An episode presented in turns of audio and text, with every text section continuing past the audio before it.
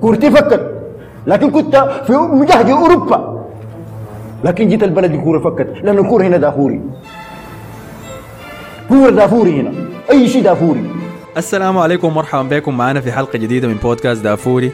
بودكاست خلانك المفضل. بودكاست خلانك المفضل الباحثين عن الثلاثة نقاط في الحياة. معاكم كالعادة في الاستضافة أحمد الفاضل وزملائي مصطفى نبيل. أهلا بكم. كل سنة وأنتم طيبين. وحسن فضل. يا أهلا وسهلا. كل عام وأنتم بخير. نعم عيد فطر مبارك عليكم جميعا في كل أنحاء العالم. وخاصة لا زالت قلوبنا مع أخواننا في السودان. اليوم دخلنا على اليوم التاسع منذ بدء الأحداث البد- الدموية والاشتباكات ال- بين ميليشيات الدعم السريع والقوات المسلحة السودانية هناك. كنا سجلنا حلقة الأسبوع اللي فات ولكن لم ننشرها. لأنه بعد ما خلصنا تسجيلها اليوم اللي بعدين لما جينا دايرين ننشرها من الصباح كانت الأخبار مليانة طبعا بالأخبار اشتباكات وارتفاع عدد الوفيات. فقررنا إنه الوقت لم يكن ملائم يعني إنه ننشرها مرت الأيام والآن حاليا يبدو أن هناك حالة هدنة بين الطرفين. هو أخمن يعني السبب بتاع الهدنة كان شنو؟ ليس لإيقاف الخسائر والأرواح المزهوقة لكن عشان البلدان الخارجية تقدر تجي وتستخلص مواطنينا الموجودين في البلاد. شفت الأمريكان جو اليابانيين جو كوريين. يعني يبدو ده هو المهم للناس المشتبكة في الحرب دي يعني ما مهم السودانيين أنفسهم. ويضل أرخص حاجة في البلد هو المواطن السوداني. مم. مع الأسف. أنتوا أهلكم كيف؟ بس الحمد لله. ده أنا أهلي لسه لسه في الخرطوم يعني. إن شاء الله بيطلعوا قريب يعني لكن لسه قاعدين في الخرطوم. آه أنا أهلي ب- معظمهم مرقوا قبل الأحداث ما تحصل يعني. حسن الحظ. لكن هو حتتنا قريبة من من الكوبري بتاع المنشية فهناك في ضرب تقيل. في جريف يعني لكن الحمد لله على كل حال. لكن جميعنا لدينا أفراد من العائلة وأصدقاء وأحباء موجودين في مناطق متضررة. فقلوبنا مع أخواننا في السودان وإن شاء الله الوضع ده ينتهي سريعا. يعني. ولا أدري أنا ما أعرف الحياة الطبيعية حتكون شنو يعني بعد آه، ما ينتهي الموضوع ده. ولا لو انتهى حسب الفايز منه كمان. فاهمني؟ أكيد ما أقدر أتعمق كثير في الموضوع سياسيا لأنه زي ما قلت في الحلقة اللي فاتت البودكاست ده هو مهرب لنا من مشاكل العالم الحقيقية وعالم الرياضة. كما أحب أن أتخيله أنا يعني. ما فيه سياسة. أنا بقدر ححاول أتنبأ وأقول إنه إحنا ثلاثتنا ما حضرنا مباريات بتركيز كده وحماس شديد كالعادة الأسبوع ده ولا كيف؟ اي أنا شغال ملخصات بس يعني. لكن ما حضرت مباراة بتمعن يعني. خالص نهائي. صعب إنك تخش وتنغمس في أجواء المباريات زي زي ما كان الوضع هو زمان. عادة الكورة مهرب لنا من من مشاكل الحياة عموما يعني. تكون مضغوط في الشغل بتتابع مباراة فريقك وكده يعني. إلا حد إلا لو فريقك كعب شديد وبينكد عليك أكتر من الحياة ذاتها يعني فأنت بتتفاداه ذاته.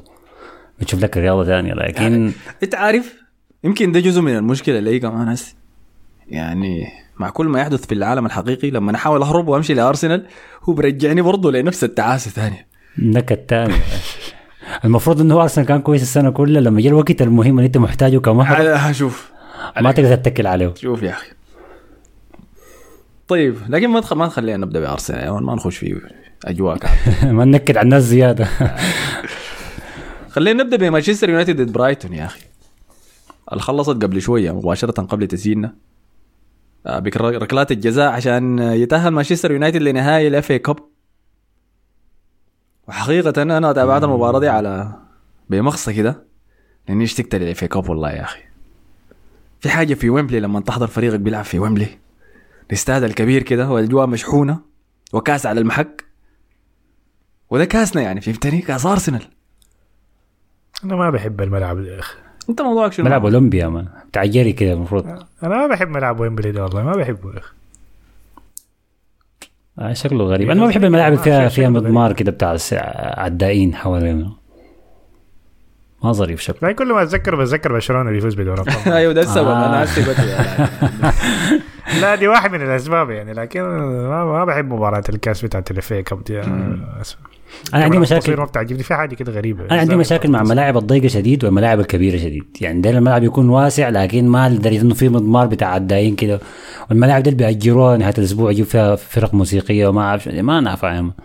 دي حدوم هاي بتاعت ال- الملعب الأولمبيك القديم بتاع روما ذاك اللي فيه مضمار جري يجي واحد يحتفل يقلع قميصه ويقعد يجري في الملعب يحتفل أيوه عشان هو توتي كان يجيب الجول بعدين ينط يحصل الجمهور. موضوع ده كان آي. يعني. فويمبلي نفس الموضوع. شيء متكرر. الكورة ال- ال- اللي كان أكثر ناس بيتعبوا في الملاعب دي هم الأطفال اللي بيلموا الكور. ده بيتعبوا شديد يعني. جري ومراسيل. آه على النقطة دي كنت أقول شنو؟ الملاعب الكبيرة دي بتخليك تستمتع بالعرضيات فيها. يعني أي جون بيخش في ويمبلي بعرضية أنت بتشوف الكورة دي بتسافر مسافة كبيرة. عشان تمرق من اللاعب وتصل للمستقبل بتاعها يعني.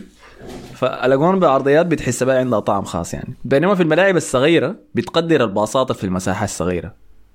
لأن لما أنت تشوف مثلا فريق بيلعب بضغط والفريق الثاني قاعد يمرق من الضغط بتمريرات تك تك تك تك كده في ملعب صغير دي من أكتر الحياة ال- المرضية كده في كرة القدم.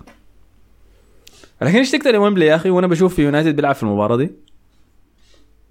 لأنه ما كان في شيء حاصل في المباراة يعني. الشيء الوحيد اللي ممكن تقدر هو الاستاد والمشجعين. برايتون كان آه، بيقدم كرة قدم جميلة يعني في البناء من الخلف والاحتفاظ بالكرة. كل الحياة الجميلة دي. ويونايتد كان ما داير يشارك معه في اللعبة دي لأنه عارف اللي بيحصل شنو للناس اللي بتحاول تواكب برايتون ولا تطاطو فكان بيلعب كرات طويلة بس فما كانت كرة جميلة يعني حقيقة. وانتهى الصفر صفر في التسعين دقيقة الأولى. آه، شح شديد من الفرص لمانشستر يونايتد. برايتون كان عنده لحظات لكن ما في فرق فرص واضحة كده. يقدر يصنعها يمكن فرصة واحدة بس. الأشواط الإضافية لما جات أنا عرفت إنه حيمشوا للبلنتيات. وحشهد موا- مواجهة من حارسين اثنين سيئين جدا في البلنتيات في سانشيز وديخيا ديخيا مشهور طبعا لمانشستر يونايتد إنه كان في خروج كده منهم. لا. خد يا أخي أنا ما شفت الكرة دي ما صد ولا واحد. بلنتيات يعني ولا؟ ضيعت. كمان يعني. ولا واحدة. وده اللي كنت أنا منتظره إنه لأنه- أشوف هل في ركلات البلنتي دي حيصدى لواحده بس على الاقل ما هو لأنه وضعه كعب يا مان. آه. الأسبوع اللي فات عمل كوارث يا مان. قبل كم؟ ثلاثة أيام عمل انت كوارث. مكوري عشان شوف أتكلم حصل في نص أسبوع شنو. آي في الأندلس يا مان. حصل شنو هو كان؟ تردوا بس تردوا تردموا متردوا 3 0 أيوه. آه، ف ولا جو... في جولين غلط غلط تاريخيه يعني. الجول الأول والجول الثالث إذا أنا ما غلطان. حتى الجول الثاني برضه يسأل منه لأن الكورة فوقه كان لكن صعبة إنه ألومه على دي. لكن الجول الأول طبعا ماجواير رجع له. قام لعبها لماجواير في الأرض يا man. بدل يشوتها كده قال لعبها له through pass كده ف بهدلوا ليك يا man. خدتها في حتة صعبة يا man. اتقلعت منه الكورة دخل منها جول. بعدين الجول الثالث أظن برضه ما متذكر حصل عشان اتفكت منه الكورة ولا حاجة زي كده. مرق- مرق. كده يعني. كانت آه، آه مرق. كورة طويلة. ورا الدفاع اتلعبت هو جاري داري يحصلها قام جلاها النصيري ولا باصها لواحد من لعيبة اشبيليا قام المهم قام سجلها كان ده اسمه منو؟ المغربي ده؟ صاحبك ده يوسف نصيري. النصيري. آه، عداك احتفال ال- اسمه شنو؟ ده كانت قبل العيد يعني آخر يوم رمضان. يوم الخميس ذاته أعلنوا العيد بجاودة جبل اعلن فيهم خروجهم من من ال Europa League. الحاجة آه، الإسبان كلهم كانوا. واقفين مع اشبيليا لأنه لأنه آه، مانشستر يونايتد طلع ريال سوسيداد من دور المجموعات. ريال سوسيداد كان يمكن أحسن فريق بيلعب كورة في في في الدوري الإسباني يعني. بعد ذاك آه، طلع آه، برشلونة. بعد ذاك ريال بيتيس وجاو إشبيليا هسه. البعبع أساسا ال- ال- الواقف لمانشستر يونايتد في السنين اللي فاتت دي كلها في البطولات الأوروبية. في اليوروبا. واللي ما فاز ما فاز في ملعب لحد شهر واحد أصلا. آه، شوف. ده الغريب أيوه. مانشستر يونايتد كان ماشي في حملة ممتازة لغزو إسبانيا كلها تدمير كل المواجهات. يعني غلب مصدر الدوري بتاعه. فانه يجي يخسر من يخسر من فريق اسبيليا التعبان ده يعني. ما بيكون مشى هناك يا مان. كاسيميرو قال لهم يا مان الموضوع يا اشبيليا يا مان. موضوع عندي. إحنا زمان كنا في بدقهم كل ما أجي ما أعرف اشبيليا ده في اليوروبا ليج حاجة تانية ما حصل لقوا دبل واجهوا في اليوروبا ليج؟ قبل كده عشان كده. طبعا. ما. شافه في اليوروبا مش قدم من أسوأ مبارياته مع يونايتد في المباراه دي لكن هي طبعا تدهور مستواه مؤخرا ده. كان في إصابة راشفورد ال- اللي يبدو إنه عاد منها سريعا يعني. لكن الأهم منها كانت إصابة ليساندرو مارتينيز في المواجهة الأولى ضد إشبيليا في الأولد ترافورد. آه، إذا أنت حكيت قبل شوية الخطأ بتاع ماجواير في ال pass الكارثي اللي لعبه له دخيا ده. مارتينيز كان بيتلقى كور زي دي كتير من دخيا وكان بيمرق من الضغط وبيمرقها بيطلع منه عشان كده دخيا تعود إنه. يمرق المدافعين اللي قدامه في حتات زي دي. كده نمط طبيعي نمط طبيعي فانكشف يعني. وبعد ذاك يتردم دخيا ويتردم ماجواير. واخذ أقدر آخذ الفرصة دي عشان أكرر بس تذكيري عن دخيا وإنه الفيصل لقرارات تنهاج لأنه تنهاج عنده قرار ضابط قرار خاطئ قرار ضابط قرار خاطئ في التعاقدات اللي سواها في التشكيلة بتاعته دي. فالفيصل في الحكم على تعرفه على المواهب حيكون هو دخيا ده. إذا الكلام اللي طلع في الإعلام حسي طلع صحيح. بأنه حيمدد له وحيديه عقد جديد مصيبة دي آي آي ما بتتجاوز. خلاص أنا توقعي إنه يجيب أونانا من الحارس الكاميروني يستمر في فلسفته دي. إنه يجيب ناسه من الدوري بعد الأغلاط بعد الأغلاط دي كمان يجددوا عقده بعقده الكبير ده يا من راتبه العالي ده صراحة أنا شايفها غلطة يعني. ما شايفها حاجة صح. بالضبط هاي. وفي خيارات متوفره هسه في السوق في رايه داخل أنت كنت قاعد- السنة الأخيرة من أنت قاعد ترشح لهم هنا صح لاعب بتاع ساوثهامبتون صح؟ أصغر حارس في الدوري عمره 20 سنة. اسمه أوبنتو ولا أوبيزو ولا ما أعرف. لا لا أوبنتو ده من ناروتو.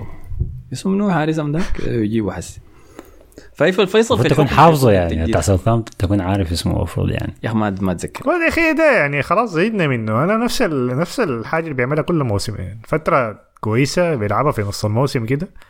فتره بتاعته ما أي حاجة يعني ما ما ما, بتلاحظوا يعني ما بيكون كعب ما بيكون كويس بعدين لحظة سيئة كده. باص له باصات غلط ما يعرف يصد له جور الكورة تخش من تحت يده. كل سنة كده بقينا يعني. خلاص يعني تعودنا. هو أنا أنا مستني مستني سوق الانتقالات ده لتنهاك مستنيه بفارغ الصبر لأنه عند أساس انه الزول ده هيعمل سوق انتقالات تكون ممتازة شديد. إنه هو عارف داير يعمل شنو يجرب حياه مختلفة الموسم ده. وفي في خطة معينة في رأسه داير يبني الفريق ده لمواسم لقدام. ما ما شكله نوعية المدرب اللي بيشتري حاجة وداير نتائج سريعة. فيمكن يكون أكثر سوق انتقالات مثير للاهتمام هو سوق انتقالات مانشستر يونايتد. وإذا تمت الصفقة بتاعت البيع بتاعت النادي كمان دي هتأثر اذا ال- هتساعد طبعا هتساعد كثير الإدارة القطرية القادمة دي. فحنشوف يعني حاصل فيها. آه، فأي بس في النهاية في البلنتيات أنا ش- شفت البلنتيات. وكلهم كانوا كويسين صراحة في التسديد. الحراس كانوا سيئين في التصدي. وإن كان سانشيز لمس واحدة من الكرات يعني لكن خشت في النهاية. بتاعت سا- سابستر. ولا stabilizer ده اسمه. سابتزر سابتزر. بس الزعلني إنه بعد ذاك شات البلنتي الضيع برايتون. كان ولدي يا أخي. سولي مارش. جناح من اليمين. آه أنا أنا كنت قلت في بالي إنه شنو؟ لأنه كان واضح إنه متوتر لما جا داير يشوت البلنتي هو واسمه ذاك ضفي. عندهم مدافع. ضفي، آه. ضفي ده كان متوتر شديد الكابتن بتاعهم لما جا شات البلنتي حقه.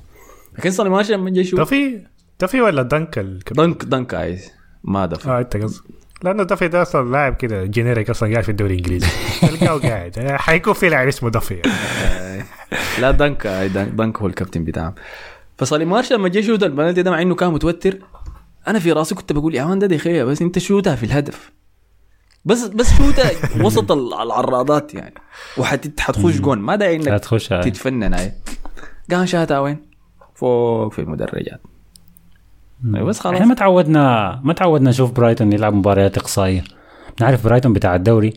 برايتون نفسه طويل برايتون ال...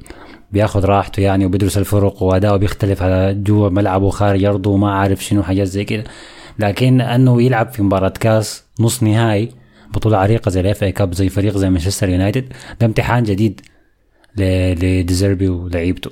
فأعتقد تنهاج الصفر صفر دي ما كانت عشوائية كان مبسوط بها وراضي بها وعرف إنه في النهاية عنده لعيبة بخبرة أكبر في مباريات حاسمة يقدروا يطلعوا ب- بفوز حتى لو ما كان مقنع شديد يعني لكن ده المطلوب. وصلوا نهائي ال Carabao Cup وفازوا به وهسه هسه وصلوا نهائي ال FA Cup أيوه. والجودة البلنتيات اللي سددوها كلهم بتوريني إنهم يتدربوا على البلنتيات فكانوا عارفين إنه المباراة حتصل للنقطة دي. لكن دي ما حاجة كويسة. أنت باللعيبة الموجودين في مانشستر يونايتد. يعني عندك ناس برونو فرنانديز وكاسميرو وديخيا ده من أعلى الرواتب في الدوري الإنجليزي كلها ما قادر تغلب فريق برايتون المتواضع ده. برايتون من أصغر النوادي في الدوري الإنجليزي حجما وتاريخا في ناديين بس في الدوري الإنجليزي كله ما فازوا بكؤوس قبل كده في تاريخهم ابدا. برنتفورد وبرايتون. فبرايتون إذا كان وصل النهائي ال FA Cup ده, ده حدث تاريخي. لو إنه وصل نصف النهائي ده براوي يعني حد وإنجاز ضخم يعني. لكن لو كان وصل النهائي كان وح... والنهائي ضد السيتي أنا بديه فرصة أقول ممكن يسوي ده. بس ضراه طبعا إنه مهاجمهم الأساسي أيفن فيرجسون مصاب. اصيب كان في مباراة تشيلسي. فويلبك لعب المباراة كاملة. نقص يعني الخطورة الهجومية بتاعتهم. لكن بس تهانينا لمانشستر يونايتد تأهلهم وصولهم النهائي. معناها كده النهائي حيكون ديربي مانشستر بين الطرفين القطب الأحمر والقطب الأزرق. يا man مالك قولها مالك آه. آه زهجت من الديربي ده. السيتي ما تتوقعوا نهاية كويس يعني؟ السيتي كان غلب شيفيلد يونايتد. في اليوم القبالة عن طريق هاتريك سجله رياض محرز آه، في الفريق ال- ال Blades كما يسمونهم شيفيلد يونايتد. آه، كان اداء كويس شديد من محرز يعني. أنا نسيته هو كان وين هو كان لاعب فترة كويس بعد ذاك اختفى وعاد ثاني بعدين. اختفى. كما يفعل كل موسم يعني. شكله هو بصب انه دائما لنهايات ال- الموسم. آه. الدنيا عيد يا أخي. زول مبسوط ومحتفل وكده يعني. الكويس إنه سجل هاتريك فمعناه المباراه الجايه حيكون bench يعني بالتأكيد كويس. حركة جوارديولا. آه، بس كان في مباراة مانشستر طبعا أنا أنا ما حضرتها السيتي ضد شيفيلد يونايتد لأنه ما مواجهة عادلة يعني للأسف. لكن شنو؟ المؤتمر الصحفي بتاع بيب جوارديولا بعد المباراة كان مثير للاهتمام لأنه تكلم فيه عن كده دقيقة آه،. أتكلم فيه شنو جوارديولا؟ كنت عايز أجيب لك التشكيلة بتاعته. يتكلم فيه عن موضوع الإرهاق. وقال إنه الإرهاق بالمفهوم اللي بيتداوله الصحفيين والمشجعين ما حقيقي. قال إنه إرهاق هو عقلية وليس حالة جسمانية. قال لو أنت كلاعب لو سمعت المدرب بتاعك بيقول إنه هالمباريات كثيره وإحنا بس لازم نتأقلم معاه ونحاول نوزع الجهد بين اللعيبة. اللعيبة لما يسمعوا الكلام ده بيخش في راسهم انه شنو؟ آه معناه أنا المفروض أكون مرهق هسي هي إحنا محتاج. وبعد ذاك بيبدأ يرتبوا المباريات حسب الأولوية الأولوية بتاعتها في راسه. فلما يجي لاعب يقول آه لا لا يا أخي شيفيلد يونايتد شنو؟ دي مباراة سهلة. عندنا أرسنال في الدوري وعندنا ال Champions League ريال مدريد. فأنا ما بدي المباراة دي أهمية. ليه؟ عشان أوفر طاقتي عشان ما يجيني ارهاق فقال إنه الحياة دي غير صحيحة غير ما موجودة. اللاعب في راسه هو اللي بيتحكم بأنه هل عنده إرهاق ولا لا. لكن مع تطورات العلم الحديث وقال التكنيكات اللي بنستخدمها في النادي هو بقى زي عنده سلسلة محاضرات زي الم... الخطب الرمضانية يا مان. آه، ده جوردن بيترسون بتاع كرة القدم يا مان. ده آه، الأسبوع. اللي فات كان عنده برضه خطبة عن ال- المعالجة الجسدية وكيف إنك لازم تهتم بأكلك اللي بتاكله وكيف إنه هالاند بيقضي 80% من من الإنجازات اللي بيسويها دي بسبب الوقت اللي بيقضيه في غرفة المعالجة والتأهيل اللي بيسويه بعد المباريات. ما بس في أرضية الميدان. دفع له ناس السيتي يا مان يعني وقام يروج كلامه صح هو. منشآته كويس قام جاب الأسبوع ده يلا أنا الأسبوع اللي فات وقفت وين؟ ها التأهيل. شابتر كم؟ لكن كلام يعني درر والله يعني. أنت إذا لا هو كلامه صح أيوه هو كلامه صح. حياته بتعملها بعد التمرين أهم من التمرين ذاته. فبعد ذاك هبش على موضوع الإرهاق وقال عادي يعني هم بيقدروا يتحملوا الحاجة دي ويتفوق ويقدموا 100% فيها كلها. أنا أنا لما نسمع كلامه ده ومحاضراته وخطبه دي أنا بقول والله يا أخي زي بيجيني شنو؟ بحس إنه الفرق بيننا وبينه كبير بعيد شديد بين آه. جوارديولا مش مش بس ليك أرسنال يعني ككرة القدم كلها زول براو هناك إحنا بس نحاول نقلد فيه وهذا يعمل في شنو؟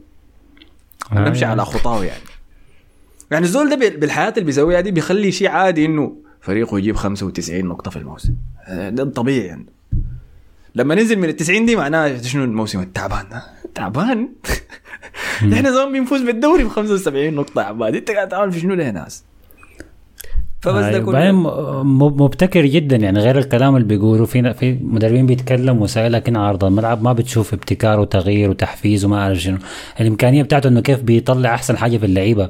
بعد كل موسم فوق 90 نقطة بعد انتصارات كثيرة. ورغم انه اللعيبة دي بياخدوا قروش عالية يعني المفروض إنه حف- محفزهم الأول هم المال لكن ستيل بتلاقيهم بيلعبوا كورة كويسة الموسم اللي بعده والموسم اللي بعده كأنهم متعطشين للألقاب. يعني مثلا الكورة دي دي كورة كاس ضد شيفيلد يونايتد كويس؟ ما فريق كويس يعني المفروض. آه وفريق سعودي برضه خلينا نضيف النقطة دي يعني بس هذا الموضوع. لاعب لاعب باربع مهاجمين. جريليش محرز وهالاند وجوليان الفاريز يعني ر- راس الحربة اللي عنده اللي هو الفاريز وهالاند لعبهم الاثنين في كرة الكاس وعنده كرة أرسنال الجاي ده شنو ده يعني؟ هو ده شنو؟ ما, ما أنا ما قاعد أفهم. هو ذاته لا رحمة آه. ناشف بديهم له ناشف ده بيسويه ده معناه بيريح هنا الخنجي بي... لا بيريح هنا اسمه شنو دي بروين لأرسنال يعني الصعق والبرق والكده يعني. زهقت منه والله الصح البرق ده. ما دخلوا الكره دي خالص بالمناسبة. ولا احتياط ولا أي شيء خلاه بس الدكة. دخل لو انت تلاشى الموسم كله دارك في المباراة دي بس أظهر لي نص اديني الكورة دي الأسبوع بس بعدين ما ما عاوز منك أي حاجة ثانية آه. فلا هو مدرب بعيد شديد يعني. آه، سألوه طبعا. سألوه موضوع وولكر. ما وولكر لأنه وولكر ما بيناسب السيستم ما أعرف شنو التصريح بتاعه ده اللي عمل مشاكل يعني. آه، فسالوه بعد بأسبوع تاني عن نفس الموضوع. ابى يجاوب ذاته ولا بس هز راسه كده. ما ما ما بيجاوب. أنت قلت وولكر هتعمل طب هتعمل بوش آخر الموسم. بس هز راسه ومشي السؤال اللي بعده ف أترجم لكم؟ أترجم لكم الجواب ده معناه شنو؟ أها. معناه شنو؟ معاك يا والكر اتخارج خلاص. تقول شيء يا مصطفى كنت على الأقل بيدينا محاضرات في الاستاد وفي برا ما زي رفراقني كده. البروفيسور ذاك ما ما بدينا اي اثبات يعني ما عارفين شهادته إذا محاضرات جوارديولا دي خطب محاضرات راجنك ديك محاضرات جامعية عديل كده يجي يتكلم لك عن الاكس جي وفرص جمع الكرات داخل الصندوق من الحارس ذاك. نفاق يا مان ذاك. نفاق ديك ما محاضرات جامعة ذاك نفاق. يعني أي فمعناه طيب المواجهة الجاية مانشستر يونايتد مانشستر سيتي في نهائي ال FA Cup والسيتي لا زال في طريقه لثلاثية كده يعني طيب فمعناه كده مسؤولية يونايتد إنه يوقف ويفوز بال FA Cup كويس آه، عنده حاجة في يده على الأقل يعني ما ما خدتي ما خدتي مصيره كله على ريال مدريد وأرسنال. لو كنا قلنا الكلام ده بداية الموسم كانت الناس ضحكت إنه السيتي في نهاية الموسم ده احتمال يجيب الثلاثية الناس كلها طيلة الموسم بتقول تعبانين تعبانين والله. تعبانين. آه ده أيوه أوكي في نقول بعد شهرين من بدايه لكن بداية الموسم الناس كانت حتقول عادي. يعني آه، لكن لما بدأ السيتي كان بيضيع نقاط في البداية كان آه بقول لك بعد ما بدأ بشهر كده وحاجة كده الناس كان ممكن تقول لك آه، ما كان موسمه مبشر يعني. وصل كأس العالم ما كان موسمه هالاند بس كان كويس لكن كان في مشاكل لكن كثير بداية الموسم هالاند مدور يا مان بيدخل هاتري كل مباراة ده كان قال لك أيوه عادي ما حلك. رباعية كمان ما طيب. طيب خلينا نمشي ل لأرسنال طيب منافسه على الدوري. إذا كان دي منافسته على ال FA Cup آه، قام أرسنال اللي كان عنده الفرصة إنه يمشي يفوز ويغلب ساوثهامبتون ويرجع فارق الصدارة لستة نقاط. مشى ويتعادل مع ساوثهامبتون في مباراة أخرى تنضم لكتالوج أرسنال الموسم ده مباريات الموسم. وأنا زهقت من مباريات الموسم دي. أنا ما داير مباراة ثانية تكون في مباريات الموسم. ما بتحب الأفلام دي والدراما والاخر. لحظات. شغل ال suspense والإثارة والتشويق. يوم, الج... يوم يوم الجمعة يا مان. آه، ده ما عارف والله ما عارف يوم العيد ذاته. وليه أصلا نحن لاعبين مباراتين زيادة؟ طيب ما okay. فزهقت من مباريات الموسم دي يا أخي. دي بورنموث. ما عارف آه، حتى مبارياتنا في ال Europa League ديك ديك سبورتنج أهداف مجنونة. بعد ذاك مباراة ويست هام مباراة ليفربول. خلاص يا أخي. المشكلة إنه الصدوع بدأت تظهر والمشاكل بدأت تظهر وأنا عارف سبب شنو. لكن كده خلينا نخش حسي المباراة دي. فمباراة أرسنال وساوثهامبتون انتهت 3 3 في عودة مجنونة كانت لفريق ال Gunners شهدت تغيير في تشكيلة الأرسنال إضافي لخروج ويليام صليبا ودخول هولدنج مكان نسبة للإضافة للإصابة. كانت عودة زينشينكو للفريق فافترضنا إنه بعد كان قلت في الحلقة اللي فاتت إنه بارتي براه ما بيقدر يتحكم بمجرى المباراة. زينشينكو لما يجي معاه كده كويس. قمنا فقدنا واحد من الثلاثي الموجودين في وسط الميدان. يعني أنا ظلمته مؤخرا يعني. هو جرانيت شاكا فشاكا لأنه عيان ودي حاجة نادرة إنها تحصل. الزول ده متوفر دائما يعني ده كل دائما بيكون موجود. دخل فابيو فييرا مكانه. ومشكلة فابيو فييرا كلما بدأ كأساسي يعني الموسم ده حتى مباريات ال Europa League إنه جسمانيا لسه ما لسه ما بيقدر يعني. لاعب نية يا مان. لاعب شديد. جدا. ني جسمانيا وني كخبرة يعني. فجسمانيا لسه ما بيقدر ينافس مع فرق الدوري الإنجليزي. وخاصة لما تخش العبادل في مناطق الهبوط ديل ما, ما وقتك يا فابيو فير ده الوقت المحتاج لنا اسمه منو؟ هنا باكوي هوكو اديني زول زي ده فهمتني؟ يقدر ينافس جسمانيا مع العبادل أنت من إيش حصل له شنو؟ والله تعليقات ارتيتا عنه كان مريبة يا أخي قال إنه هو في طريقه للعودة من الإصابة لكن في كرة القدم ما مهم اللي أنت سويته قبل موسم شنو لازم تيجي وتثبت نفسك حسي ثاني قلت الله في بتعمل شنو أنت يا سميث رو يا أخي مشكلة سميث رو عنده نفس مشكلتي إنه بحب الأكل شديد آه آه. okay بحب. نفس مشكلة هازارد مشكلة هذا برضه بحب البيتزا يا مان حلويات فهمتني معصوب. حاجة مديد. كنافة. بحب وبعدين والله من خدوده دي باينه زول بأكيل يعني. آه فاسمه شنو فابيو فيرا بدا المباراة دي؟ لكن أنا ما أقدر أحمله هو المسؤولية لأنه الفريق كان سيء يعني في الشوط الأول. سيء من ناحية تحكم في المباراة ومن ناحية ارتداد دفاعي طيب. هدف سريع خش فيكم بدري. بدري بدري شيء الهدف اللي خش فيكم. آه الجون الأول. هاي يعني مذكرني بال في في في فريق برضه كان تعبكم جاب فيكم هدف بدري شديد ما اعرف كان اسمه. أنتوا شنو الحكاية دي؟ ما عندكم تركيز في أول دقيقتين من المباراة ثلاث دقائق؟ بورموث اللي بمدحوا فيهم إنه كان جونا مسمح يعني كان شديد كان تكتيكات بداية المباراة. الحياة اللي بيعملها ميسي ونيمار ومبابي دي كانوا سووها فينا. لكن الجون الأول اللي خش فينا في المباراة دي كان pass من رامسديل باصاه للاعب ساوثهامبتون. اللي قام سجلها طوالي. المشكلة إنه من الدقيقة الأولى. بداية غلط شديدة هاي فالنقاش الحسي حايم أونلاين ولا اللي بيقولوا المحللين. الما ملمين بشؤون أرسنال يعني ما بيتابعوا بس بيتابعوا أرسنال السنة دي لأنه منافس على الدوري. فالجواب المباشر اللي بينطوا عليه إنه آه التوتر الأعصاب سباق الدوري. لكن الكلام ده ما صحيح. طيب. أنا عينت المباراة دي وعينت المباراة وست هام والتعادل اللي حصل في فيها. وفي مشكلة كبيرة قاعد تبدأ توضح لي في فريقنا اللي هي روب هولدنج ما لأنه روب هولدنج مدافع سيء لكن لأنه روب هولدنج ما ويليام صليبا ليه؟ إذا لاحظت في الجون الأول ده ذاته الدخل ده الباص المرر غلط. هو كان رامزديل داير يباصي الكرة وسط اثنين من لعيبة ساوثهامبتون لزينشينكو في وسط الميدان. باص ضيق ضيق يا man ضيق. فعاين هو شماله دقيق جابرييل فاتح لكن جابرييل هو اللي رجع له الكورة أصلا فالزوايا عنده مغلقة. فيا إما يلعب في وسط الميدان زينشينكو المقفول بلاعبين اثنين من ساوثهامبتون ولا يباصي الكورة يمين لروب هولدنج تمام؟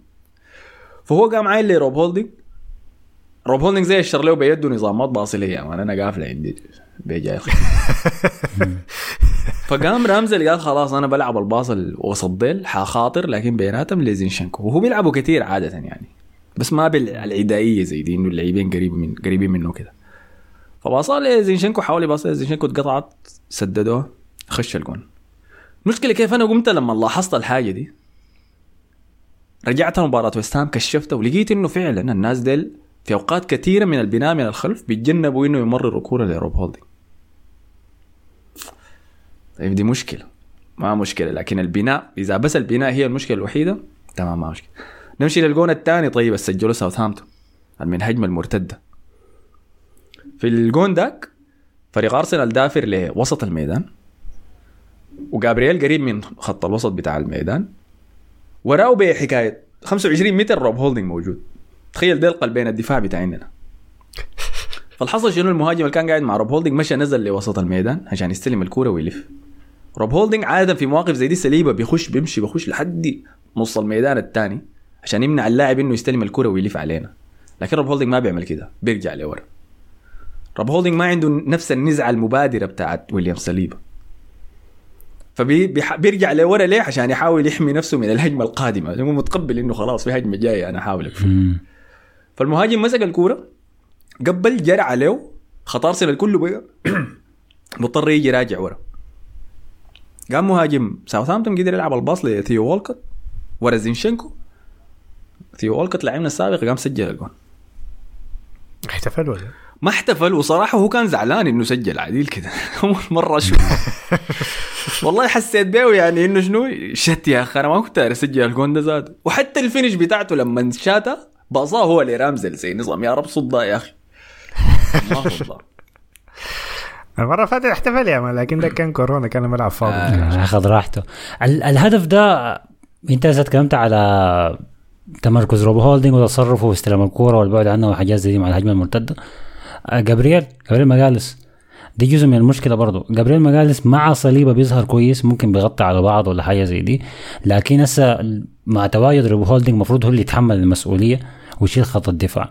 ودي حاجة هو ما قام بها الباص ده لما يتلعب ورا ظهره ووصل لثيو والكوت الزول ده رقبته قاعدة تتكسر جابرييل وبيتلفت يمين شمال وجاري وما ما شايف والكوت كده صغير وعنده شعره كده كان كان ضايع شديد يعني. في مدافعين تانيين كان ممكن يتصرفوا بيتصرفوا أحسن من كده بكثير يعني. هو ما كان عارف يتابع الكورة ولا يغطي ثيو والكوت ولا مثلا يعمل مصيدة تسلل ولا هو ما كان عارف هو المدافع الشمال لكن. طيب. فالمهاجم اللي كان ماسك الكورة عشان يلعب الباص ده هو بتاع روب هولدنج فروب هولدنج هو المفروض يطلع له. إنه يعني يلعب الباص ده أصلا. أطلع عمرك برا عمل تاكل وأقتله. ما تجيب الكورة أقتله بس. ما مشكلة. عمل فاول تكتيكي. ما موجود عنده الحالة دي. ويتلعب في كتف زينشينكو. فالناس كلها بعد ذاك وجهت الاتهامات لزينشينكو. قالوا ده زينشينكو مشاكله هو دفاعيا ما كويس. بس عشان لحظة ليفربول. دي. آه، هاي متذكرين حصل شنو في ليفربول بس. هاي عشان اللحظة دي خلاص بعد هو دفاعيا سيء. طيب. أنا تابعت أنا باقي المباراة وبعد ذاك لاحظت. إحنا عادة في شكلنا المعتاد كنا بنبني بشكل 2 3 5 فعندك جابرييل وصليبا جنب بعض قدامهم زينشينكو بارتي وبين وايت وبعد ذاك الخمسة مهاجمين قدام. تمام؟ ده ليه؟ لأنه جابرييل وصليبا بيقدروا يغطوا سريعين وطوال يعني ما شاء الله وبيقدروا يغطوا مسافات كبيرة. فأرتيتا بدي الحرية للناس اللي قدامهم ديل. الثلاثه اللي في الوسط ديل بيقتلوا ال counter ات الاثنين اللي ورا بيغطوا الكرات الطويلة بتتلعب نظام ممتاز. لما جرب روب هولدنج بقينا بنلعب ب 3 2 5 فبقى بين وايت بيرجع ورا بيشكل ثلاثة قلوب دفاع معاه الاثنين اثنين. قدامه زينشينكو بارتي والخمسة مهاجمين القدام. فده معناه شنو؟ بقى عندنا لاعب وسط أقل في وسط الميدان عشان يمنع المرتدات.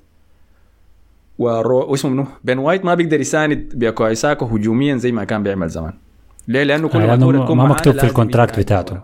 ده آه؟ شغل man لأنه ما مكتوب في ال contract بتاعه إنه يساند زيادة آه ده كده أنت اديته حمل زيادة وهو أصلا ما داري آه، ما بيكفي راتب يعني معلومه لقب الدوري ما شغل man. فبس عين بالتغيير الواحد ده اختل النظام بتاع أرسنال كله وبقينا هذا ليفربول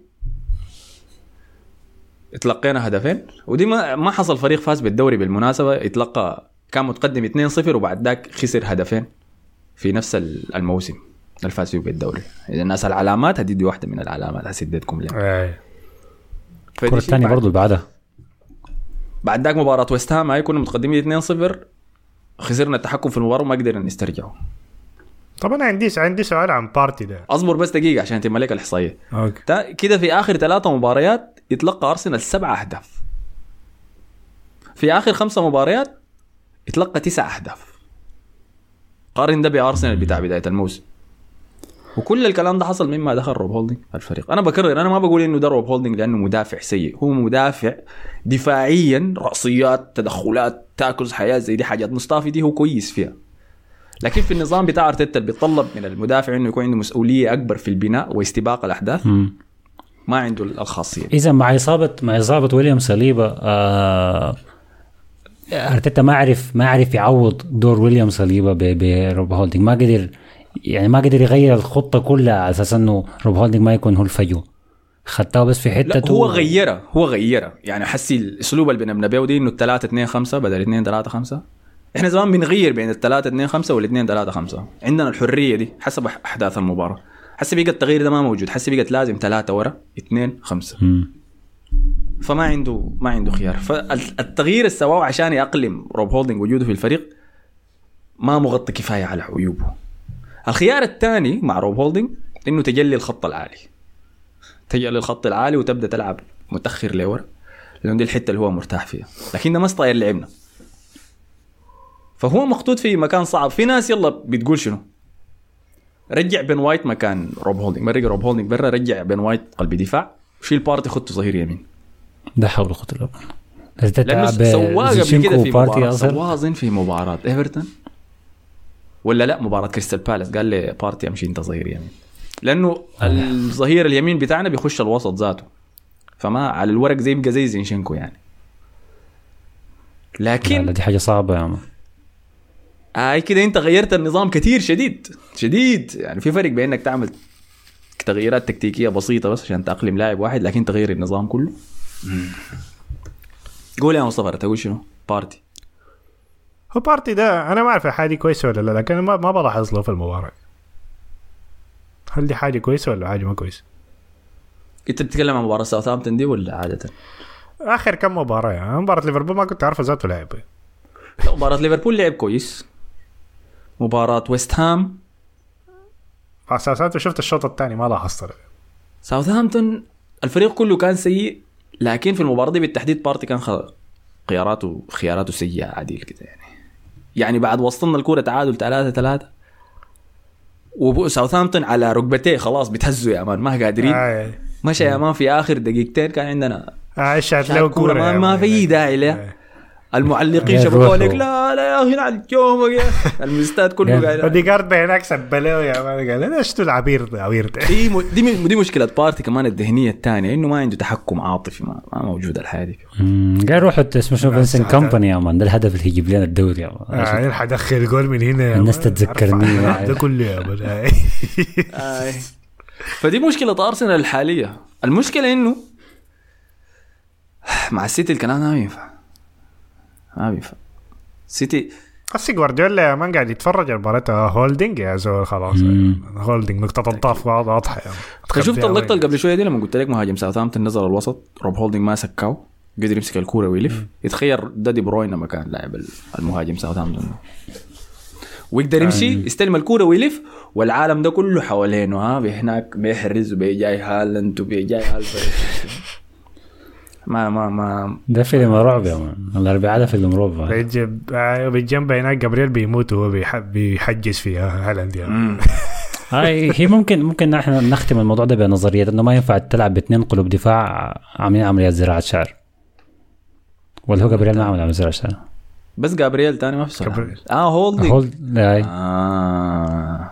لازم واحد فيهم يكون ال hair line بتاعه كويس يعني. لو في كده التراجع كثير ها في كل النواحي. هاي فأي لكن بعد ده كويس. الشيء اللي عاجبني إنه قدرنا نشوف ردة فعل من أرسنال مع إنه تأخر بالنتيجة ليه؟ 3 1 مارتينيلي سجل ثاني يا مصطفى.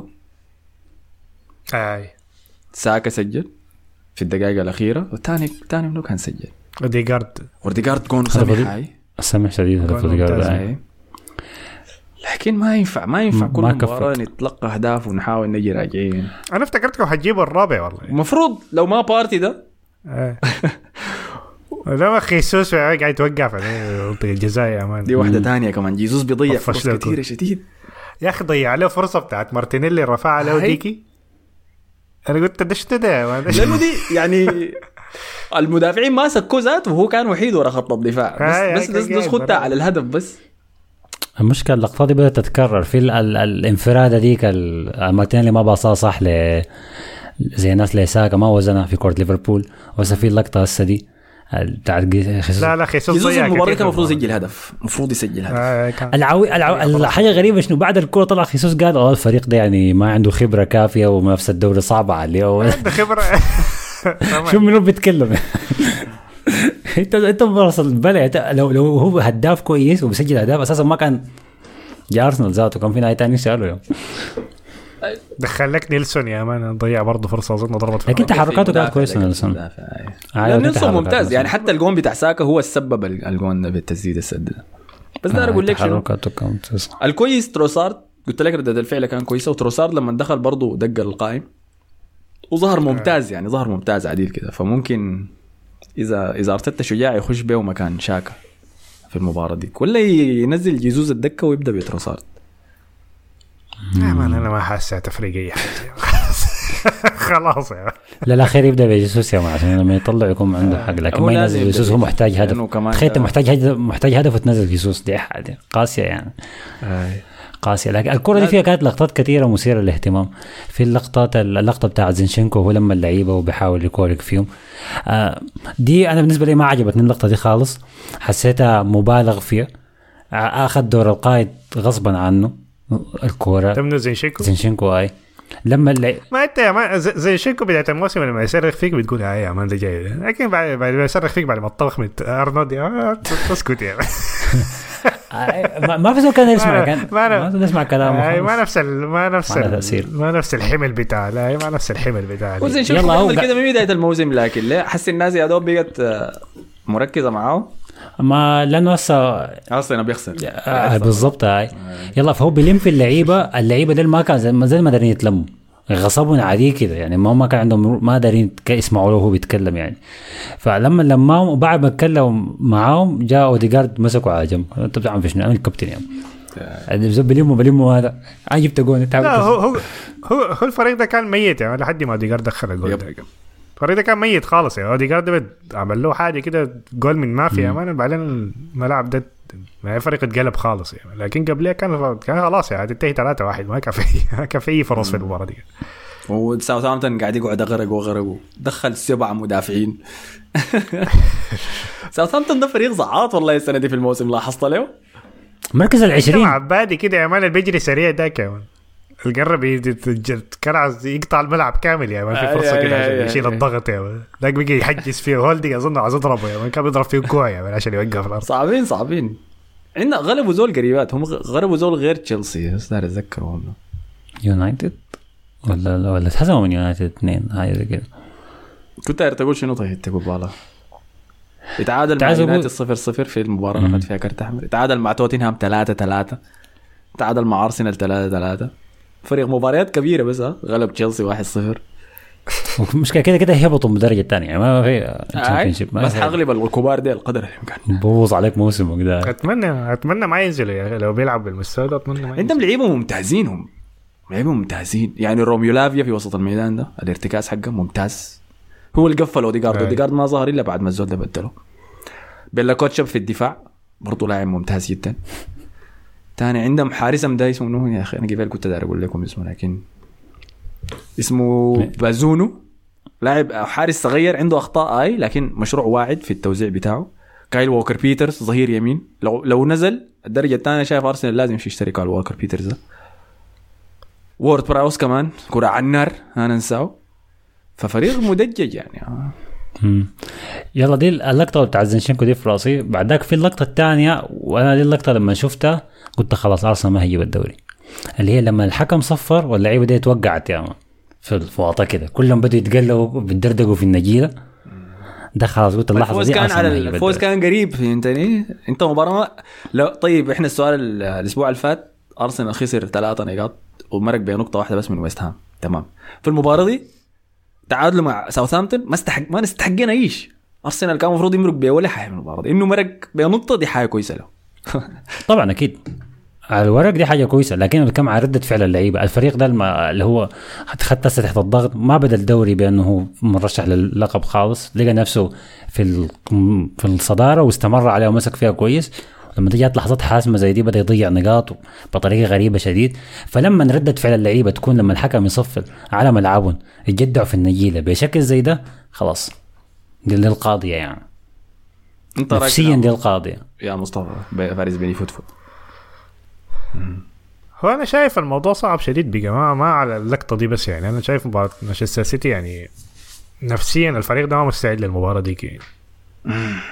فرق الاستعداد الفريقين يعني فما ما شايفة فرقت يعني على موضوع وقعوا في الأرض ولا ما وقعوا في الأرض السيتي خاشي بروح ممتازة غلب آه. بايرن آه، نهائي لفي كاب الموت الواحد ده يعني. الناس ماشية على الموت منتظرين. المباراة دي أصلا من بداية من بعد ما غلبوا المرة اللي فاتت منتظرين دي كمان حس هم مش جايين يغلبونا بس عشان ياخذوا الثلاثة نقاط. هم جايين يرسلوا رسالة مم. حول ولا قوة إلا بالله. كده خليني أعمل follow لدي بروين أشوف الإنستغرام بتاعه. نزل حاجة عشان أعرف شنو. أجهز نفسي. عاين يلا في تاريخ أرسنال. جاته في سنوات فاز فيها بالدوري. جاته مواجهات زي دي. إنه كان لازم يمشي يستاد ضد فريق صعب منافسه على الدوري ويفوز عشان يفوز بالدوري. طيب إذا قدرنا نرجع في التاريخ ورا في سنة 1989 أرسنال كان منافس ليفربول على الدوري. وكان محتاج يمشي أنفيلد ويفوز عشان يفوز بالدوري في آخر مباراة في الدوري. فمشى والنتيجة كانت يمكن صفر صفر لحد الدقيقة 85 بعد ذاك دخل جونين في الدقائق الأخيرة وفاز بالدوري. في أنفيلد عملها. ده سنة 89 سنة 2002 أرسنال مشى أولد ترافورد وكان لازم يمشي يفوز هناك عشان يفوز بالدوري لأنه يونايتد كان على أعقابه مباشرة. فمشى أولد ترافورد وفاز هناك وفاز بالدوري في أولد ترافورد. الآن 2023 أرسنال منافس مانشستر سيتي على الدوري لازم يمشي الاتحاد ويفوز في الاتحاد. لا خيار غير ذلك. حتى التعادل ما اي لكن خاش مباراة بياته حالة نفسية. أنا ده الفرق في الحاجات دي. أنا ما أعرف كان المواسم ديك حالتها كيف يعني لكن 2002 أظن كان لسه ما خسروا أي مباراة يعني ف لا لا دي ما دي ما موسم ال- اللا هزيمه آه لا هزيمه آه، الثاني كان. لكن شنو؟ لسبب ما يلا يمكن دي العاطفه بس. ده الحب يا مان والعشق وما يفعل. أنا شايف في لسه بصيص أمل. أنا شايف لو مرق صليبة كده من بين السحاب. عائدا. يا مش أغنية اردرتيكر شغالة في الخلفية يجي ماشي كده. آه. يطلع في التشكيلة الأساسية بيجيها. ونديها واحدة من اداءاتنا دي اللي بنمرق واحدة كده مرة في السنة. نغلب مرات البايرن نغلب برشلونة نغلب عارف بتاع هو ممكن. مم. فدي حاجة. كان في شنو؟ كان في حاجة تانية كنت داير أقولها. والسنة اللي فاتت الموسم اللي فات إذا متذكرين بعد يصيب تيرني ويصيب بارتي خشت فترة كده قلنا إنه شنو خلاص أرسنال ده ما عنده امل إنه يفوز بال يجيب ال top four قمنا مشينا غلبنا تشيلسي في في ستانفورد بريدج متذكر؟ اديناهم أربعة أربعة اثنين. أربعة اتنين. والمباراة اللي بعديها كان عندنا مباراة ضد يونايتد والناس برضه متوقعين حنخسر قمنا غلبنا يونايتد برضه بسيدريك وتافاريس. تافاريس متذكر المباراة دي؟ آه بتاعت رونالدو فيها بعد. ما آه، ولده توفى. ولده. مات ولا؟ وفزنا فيها. مع إنه المباراتين ديك أنا ابدا ما توقعت لأنه قبالة خسرنا ضد ناس كده ميتانين كريستال بالاس وما عارف فخلاص دي القشة الأخيرة. عاينه ناس ها أرسنال السيتي أرسنال. يلا الجواب حيجيكم في المباراة دي. إذا إذا فاز الأرسنال. والله حتكون مفاجأة كبيرة لو فاز.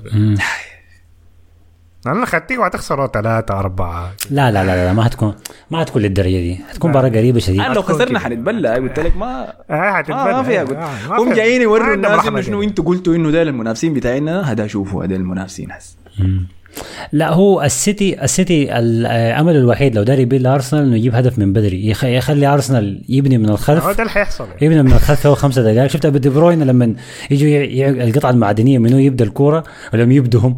عشان شنو؟ يسنتروا هم يرجعوا كوره رامزدل يضغطوا على رامزدل يقطعوا منه الكوره يجيبوا جول ده يحصل أول خمسة دقائق. لكن إذا ده ما حصل إذا ده ما حصل الكرة هتكون قريبة شديد. يعني لو أرسنال قدر يطلع من أول عشرة دقائق من غير ما يستقبل هدف هيقدر ممكن يقدر ينافس السيتي وممكن يطلع بفوز. لكن لو تستقبل هدف بدري خلاص شوف لكم مباراة ثانية تتفرج طيب ادوني توقعات ها. أنا شايفها 3 0 لا لا لمنو؟ زي مانشستر سيتي يعني تقريبا ثلاثة. لا لا اسمه شنو؟ آه آرسنال هيغلب السيتي 3 2 يا أخي أنت أنا ما قلت لك ما تتنين أنت عارف أنا اخذت أنا هسه من هسه قاعد أفكر اخذ triple captain على هالاند ولا حاجة زي كده. الله الله يبارك فيك يا مصطفى الله يبارك. أنت دقيقة ما أنت ما ملاحظين عكس- حاجة لكن لما تتوقع إنه السيتي يردم الفريق اللي قدامه السيتي ما بيردم الفريق اللي قدامه. 200 عملنا دي ما حصل أنا ما مثلا كره ليفربول أنا توقعت إنه السيتي يهزم ليفربول بالراحه ما هزموا بالراحه دي في مباراه الذهاب. مباراه الذهاب هاي ليفربول كان اكعب من الساعة ما أعرف أنت يعني قلت قاعد شنو طيب؟ أرسنال حيغلب 3 2 هاي يحصل لها كده كده قول بسم الله يا man. لا لا لا لا, لا. كده 2 2 وهدف في آخر دقائق. وباكايو ساكا بنفرد بيدرسون يجيب جول يا مان و- بس يا هو ويطلع فانيلته ياخذ كرت أصفر. يا هو اللي خسرنا. طيب أنا في رأيي أم... أنا شايف حتنتهي تعادل. حتنتهي تعادل واحد واحد. حيكون masterclass دفاعي يا man لو عملوا كده. طيب بعيدا من توقع النتيجة أتوقع أرتيتا هيتعامل مع الكورة كيف بعد الجوطه اللي حصلت في الكورة اللي فاتت دي؟ لو صليبا أظن جاء هيخش بثلاثة مدافعين. شنو؟ أظن هيخش بثلاثة مدافعين. آه، هيخش عندنا ما. عندنا مدافع من. وين الثالث ده ما في ده الكل الموجود كيويور ده لا، ولا لا، لا، كيويور ده. ولا ده ما لعب غير مباراة واحدة في الدوري الإنجليزي ولا مباراتين ما حتى لو صليبا جاي ما ممكن يخش بهولدنج برضه ثلاثة دفاع ما حصل ما حصل تومياسو أوريك؟ ح... أوريك حيصل شنو منو؟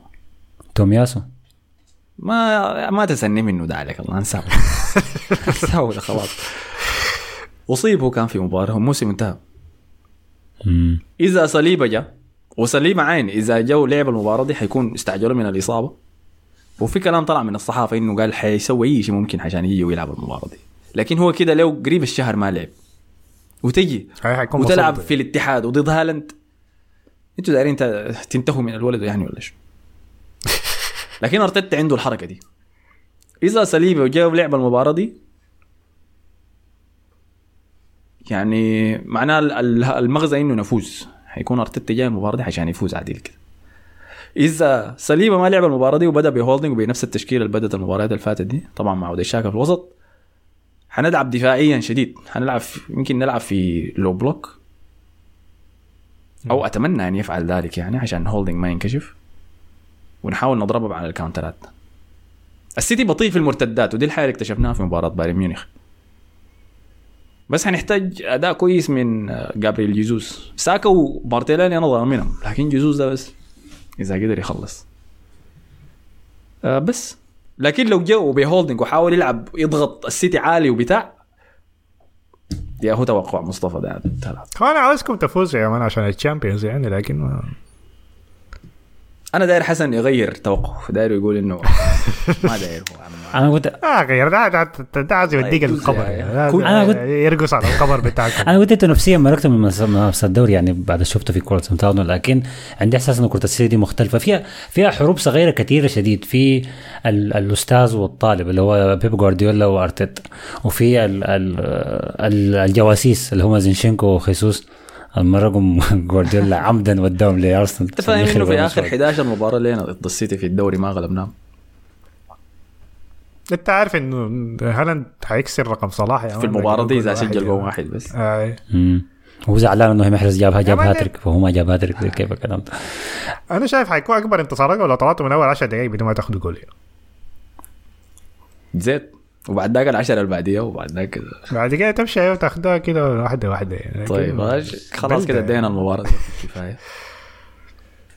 كده بنشوف بعد ذاك اذا نعمل space إن شاء الله ما الوضع ما يتفاقم يعني زيادة في في السودان.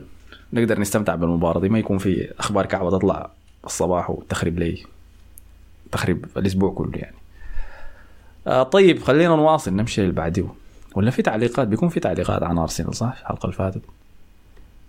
تعليقات شوية ذاته كان تعليق واحد بس. آه كان منو والله يا أخي أنا ما شايف حاجة. ولا يمكن في الحلقة القبالة. كده خليها لحد لما نلقى. آه ده شرطي متقاعد قال خلاص الدوري ضاع من أرسنال. أنا كنت عارف إنه أحسن نكمل في اليوروبا ليج ونشيله أحسن من نطلع بموسم صفري. عاين إنه لو أرسنال طلع بموسم صفري دي حاجة كعبة للدرجة دي يعني. لا لا. لا خالص خالص خالص. بالعكس موسم موسم المركز ممتاز. الثاني كويس بيتصرفوا كأنه دي أول مرة نطلع بموسم صفري طيب طيب طيب طيب. طيب خلينا نواصل. يلا. نمشي ل ريال مدريد. الغلب سيلتا فيجو. وهزم تشيلسي قبالة في مباراة الأبطال يا أخي. فاستلم يا مصطفى. خلينا حاصل شنو.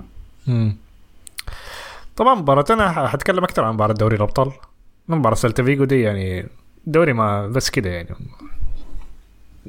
حنك مداورة بس تريح لاعبين. مع إنه بنزيما ما بيرتاح في المباراة دي ما أعرف ليه. المهم. آه لكن مباراة تشيلسي. يلا أنت لما تكون ماخذ نتيجة إذا كانت انتهت 2-0 لريال مدريد لما تكون ماخذ نتيجة من مباراة الذهاب تمشي لمباراة الإياب بيكون هدفك إنه تطلع بأقل الأخطاء بأقل الخسائر. ما تطلع بطاقة التعادل أيوه لكن في في خسائر المفروض ما تتكفلها يعني. فنسبة النجاح في ريال مدريد في الحالة دي كانت 60% أنا حقول لو ما 50% يعني.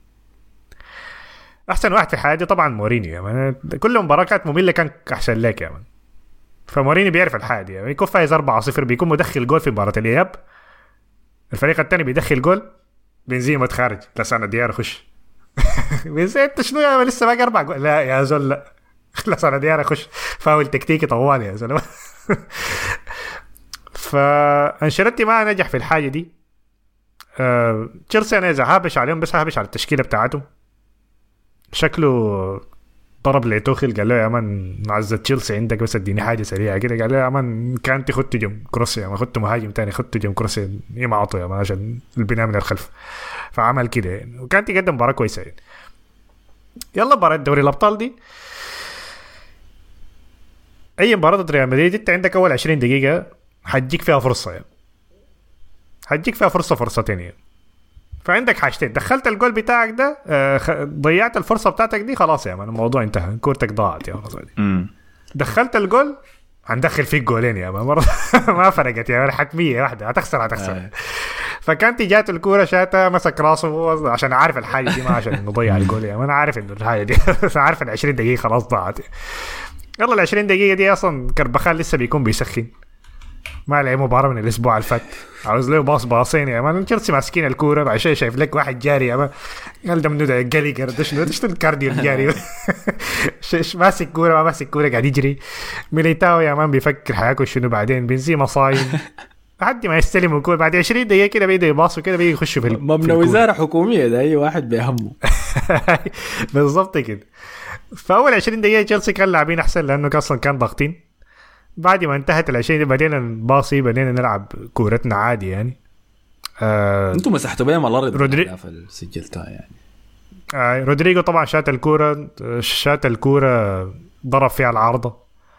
آه كان في فرصة ثانية لموديش برضه صدها. أكبر فرصة لتشيلسي جات بتاعت كوكوريا.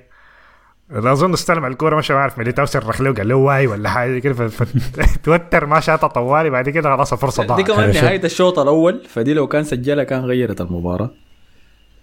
آي. تردد فيها. لو كان شلويل لو كان الح- وقعت له الكورة دي كان جون أنا أقول لك لكن ممكن. فبعد كده انتهى الشوط الأول. يلا الخسائر اللي تلقاه أول حاجة كورة كانت ملعوبة من فوق يا man. كاي هافرس يا man استلم الكورة ميليتاو يا man قال حجيبه. يا man ضربه يا man أخذ إنذار ذهب نصف النهائي لا لا يا أخي. آه. أنا ما أعرف كسر ليه. كاي هافرس هاي مش كانت هناك جنب منطقة الجزاء كان جاري على الخط يعني أنا ما أعرف شنو ده. كسروا ليه؟ هاي مش شنو. فدي كانت أخذ كرت اصفر بدري وبعد ده كله لعب مباراة ممتازة كمان. آي بعد ما المشكلة بعد ما بعد الكسرة دي بعدها بخمس دقائق مش وقع في الأرض كده مسك ال ال- ال hamstring بتاعه. بعدها قام كمل لحد نهاية الشوط. الشوط آه، مع نهاية الشوط كده روديجر بدأ يسخن. يا man قلنا خلاص أيوه ميليتاو معناه حيتخارج وحيخش روديجر يعني عشان الإصابة ما تزيد يعني. الشوط الثاني بدأ ميليتاو قاعد وروديجر قاعد جنبه وألابا خارج برا يعني. فتحت لك التويتر ألابا مصاب يعني من أسبوعين ما حيلعب المشكلة المضحك كمان إنه كاتبين ألابا ومندي. يا مندي شنو يعني؟ مندي ده ما اشوفه تاني. star boy ده قاعد يلعب في الظهير يعني ما ما ما أشوف مندي ده تاني. فألابا برضه ذاته شكله احتمال ما يلعب. فدي مشكلتي كده خسائر يا man زادت 50 كأنه كأنه خسرنا نص ال نص طيب كده حيلعبوا ناتشو وروديجر. يعني المباراة الجاية؟ لا. آي. آي. سلام. إلا لو ألابا لحق الموضوع. ألابا لما يرجع من الاصابه يا man بيكون كعب. بيقدم مستويات مقززه يعني كعب شديد يعني. مع إنه كان بيقدم مستويات حسي خيالية شديدة يعني ما رجع من الاصابه من مباراة برشلونة ديك يعني. فبعد كده الشوط الثاني بدأ. آه، دخلنا طبعا الجول الأول.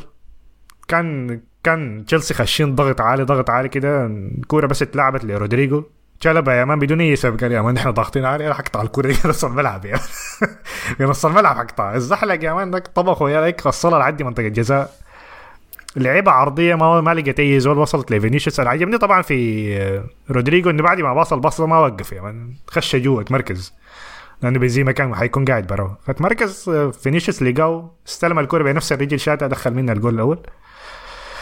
آه بعد كده لامبارد يا man خلاص قلب لك الفريق كامل يعني شال لك أي واحد دخل لك كل مهاجمين. المهاجمين بتاعه طلع لك كانتي دخل لك أشباه المهاجمين بتاعه. الوهميين أنا بسميهم المجاهدين. فيل... فيليكس و... وستيرلينج والعباده دول كلهم. هاي فدخلهم بعد كده المباراة ما كانت خلاص ميتة يعني كان كنا خلاص يعني ارتاحين طلعنا بنتيجة عاوزينها خلاص المباراة كده تقريبا كانت انتهت. كان عندهم شوية فرص كده مودريك كان عاوز عاوز يعمل فيها شفاتي عاوز يلعبها بالجهة دي. يغش آه، كورتوا مش شاته في الجهة القريبة ضيعها برا بعدين الجول الثاني ده أظنه أنا ما أعرف ما حسبت عدد الباصات كمان.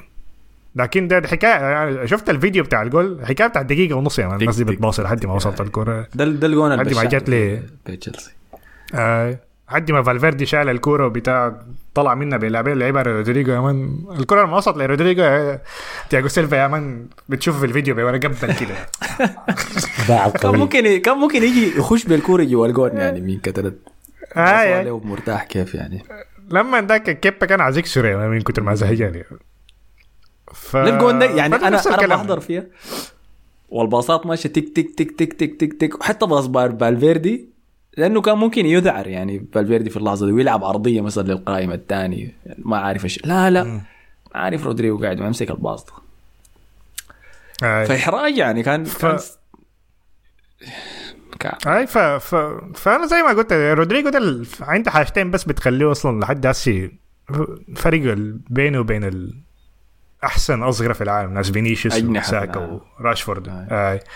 حاجتين بس إنه ما بيلعب في مركزه الأساسي اللي هو مركز اليسار جناح يسار والحاجة الثانية الحلاقة بتاعته دي شين شديد ما أعرف ما في فيد ما في أي حاجة شنو ده تلميذ. البيض دي ما ما حلاقتنا يا مان الحلاقه كعبة يا مان جلحات واضحة يا. وصغير هو هيك كان شايف شيء. صغير كده في جلحات آه. لكن ممتاز ممتاز صراحة يعني يعني أي حاجة بيعملها عندها هدف معين يعني. مم. يعني ما يعني فينيسيوس مرات إنه بيطبخ الزول كده بيقول يا مان الدجاج ده لسه ني نمشي اطبخه مره ثانية لكن ذاك ذاك مره مرة واحدة كده هي كده ما في ما في كده استهلاك بتاع موارد يعني ما في كده تبذير. بي- بي- بيعمل المطلوب بس كده بيتخارج بيوصل لك الكورة الحته اللي انت عاوزها يعني. ما ما بيضيع وقت كتير بيحب مهتم بالبيئة آه. ما بيحب فده فده اللي بيعجبني فيه يعني. فده رودريجو كده خد خدته على جنبه بنزيما كان ماله طيب؟ شنو حاضر شنو؟ بنزيما ده أنا حاسيه لاعب باصابه هو طبعا طلعوا فيني طلعوا أظن قبل الدقيقة 55 طلعوا يا man خارج. بعد الجول طوالي خارجوا يا man بنزيما كان زعلان كان عايز يدخل اجوال لكن شايف انت خارج. عملت شنو الليلة؟ ما عملت اي حاجة حق التراويح في جامع لندن هناك في جامع حق التراويح تعال. في البريد. آه، دخل سلتا فيجو برضه ما دخل. الصلوات في آه، سلتا فيجو ذاته ما قدر يدخل جول برضه كان زعلان. كان طبعا عشان هداف وكده فلعب ال 90 دقيقة كاملة. أنا ما أعرف يلعب ال 90 دقيقة كاملة ليه لكن المهم ما هنك شكله رضاه وقال له اسمع مباراة السلتا فيجو خل- هخليك تلعب مباراة كاملة ما هنك فده على جنب يا man. نجم المباراة بين- بدون اي كلام لازم نتكلم عنه هو كامافينجا ده عبارة عن أنا أقول إنه النسخة الحديثة من كانتي. يعني بيعمل الحاجات اللي كانتي بيعملها لكن مضاد للضغط بتاع ال pressing والحاجات دي باصاته أحسن. مهاريا أحسن من كانتي برضه فلاعب شامل لاعب وسط شامل يعني وحسي قاعد في الظهير وبيفرق معانا شديد. يعني لدرجة مرات يا man إحنا بيكون بنباصي الكورة بورا كروس بيحاول بيباصي بيحاول يط- يطلعنا من الضغط الكورة ما قاعد نوصلها لكروس عشان كانتي ضاغط عليه مغطي عليه. فكامافينجا بيقول يا الزايد هات الكورة دي يجري يشيل لك الكورة اللي حيوصلها لحد فينيسيوس يقول لها هاك اطبخ يا. آه. فعملها كده. مباراة سلتا فيجو امبارح كان خرافي عديل يا man. كان بيعمل حاجات كده غريبة يا man. كان أسباس يا man. كان بيتحرش في اسباسيا. بس لما دفروا يا مان كده عايز اتذكر يا مان. اخلاقه مثلا إيش حضنوا كده ما عابد هد الوضع. فلاعب ممتاز شديد. أنا كافينجا ده يعني كل مباراة بنبهر فيه يا مان. لاعب صغير لاعب أي حتة يا مان.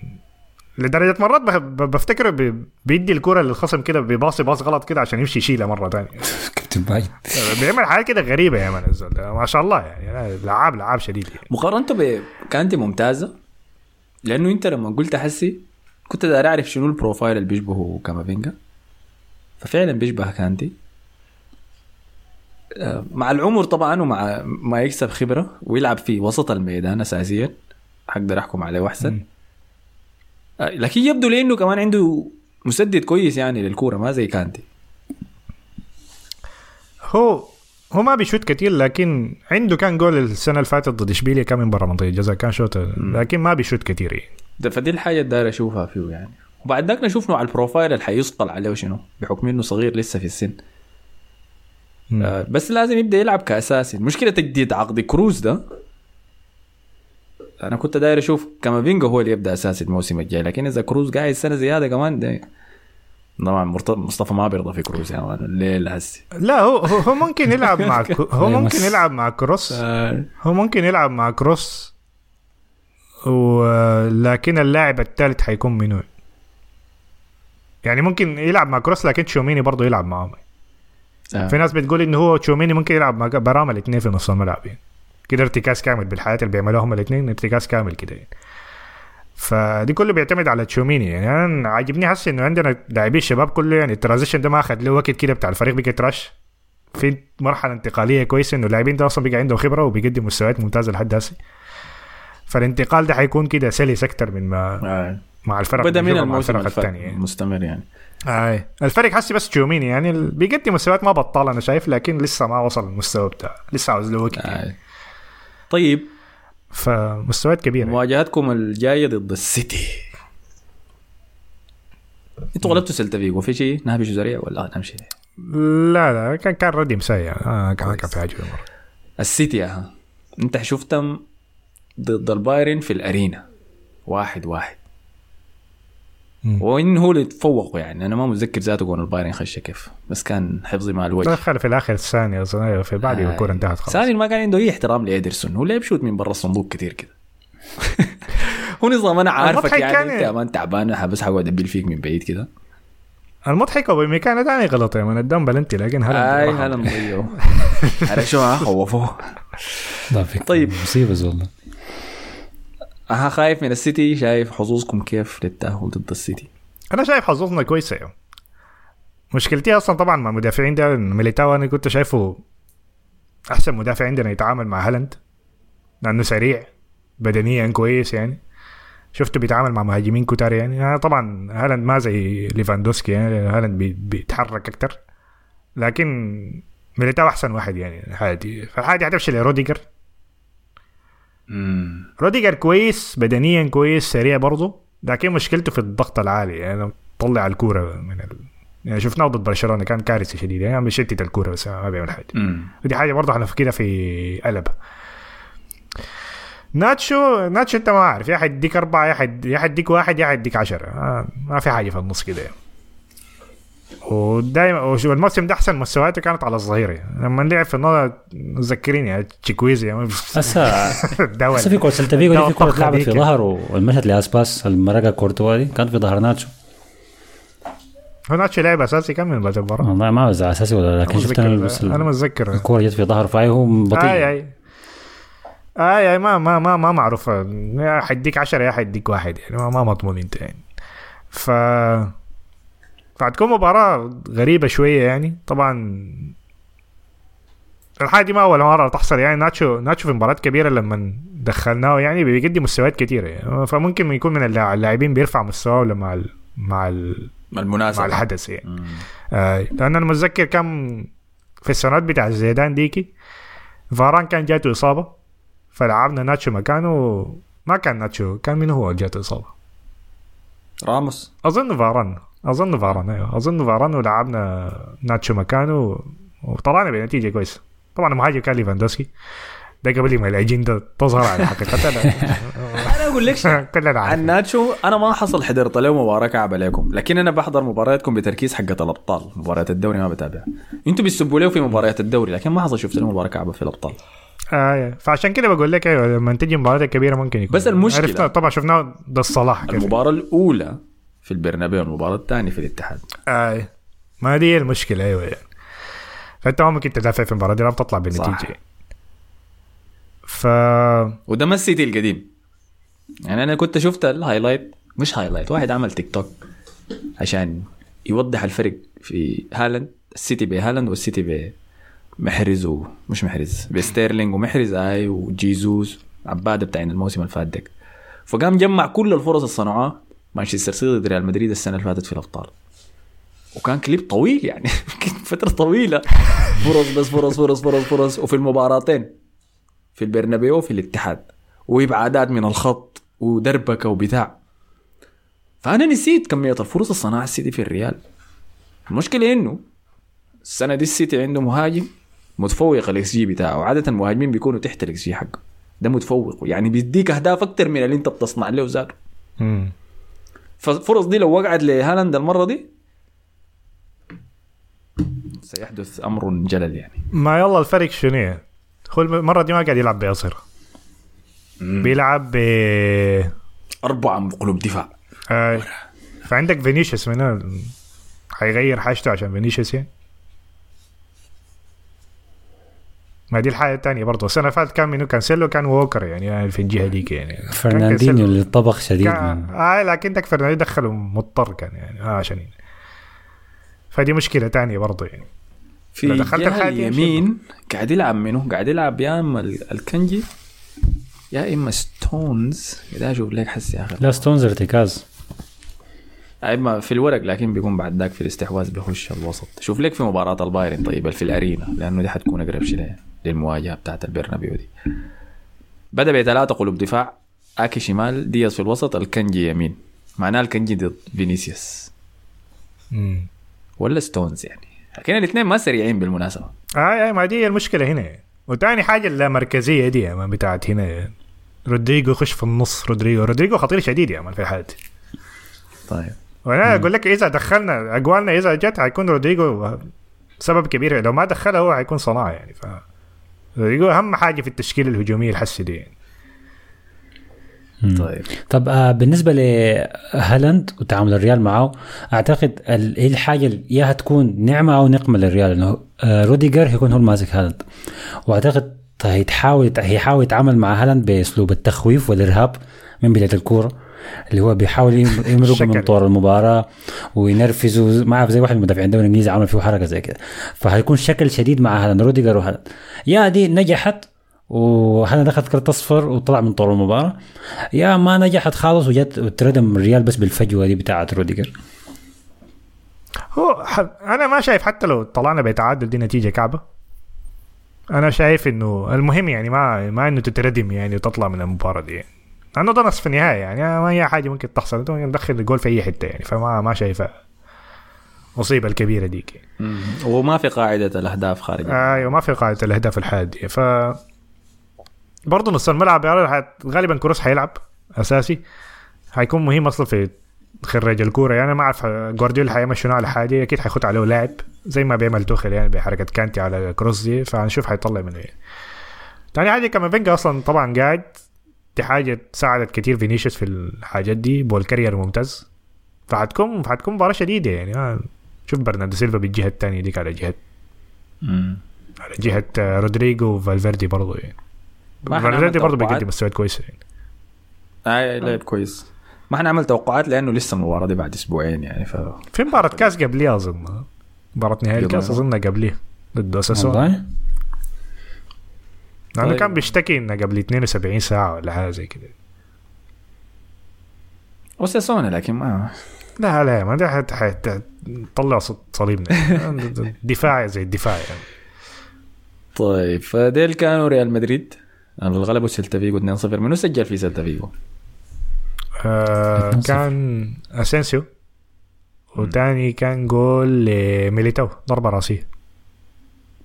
تمام. آه طيب خلاص بعد يلا نمر سريع بس على ما تبقى. لما غير هبشنا الريال خلينا نهبش برشلونة سريع. اللي فاز 1-0 على أتلتيكو مدريد عن طريق آه، فيران توريس يا أخي. هاي احتفلت الهدف. بالهدف صفقت يا حسن؟ لا لا ما احتفل هدف شين شديد يعني. إنه الهدف كان عامل assist رافينيا. فشنو؟ يا أخي ال finish نظيف مالك؟ ليش لا لا الله. غلطة من أوبلاك. أوبلاك أوبلاك بالله تخش في الكوره ما شاف الواطه كده من برا منطقة الجزاء.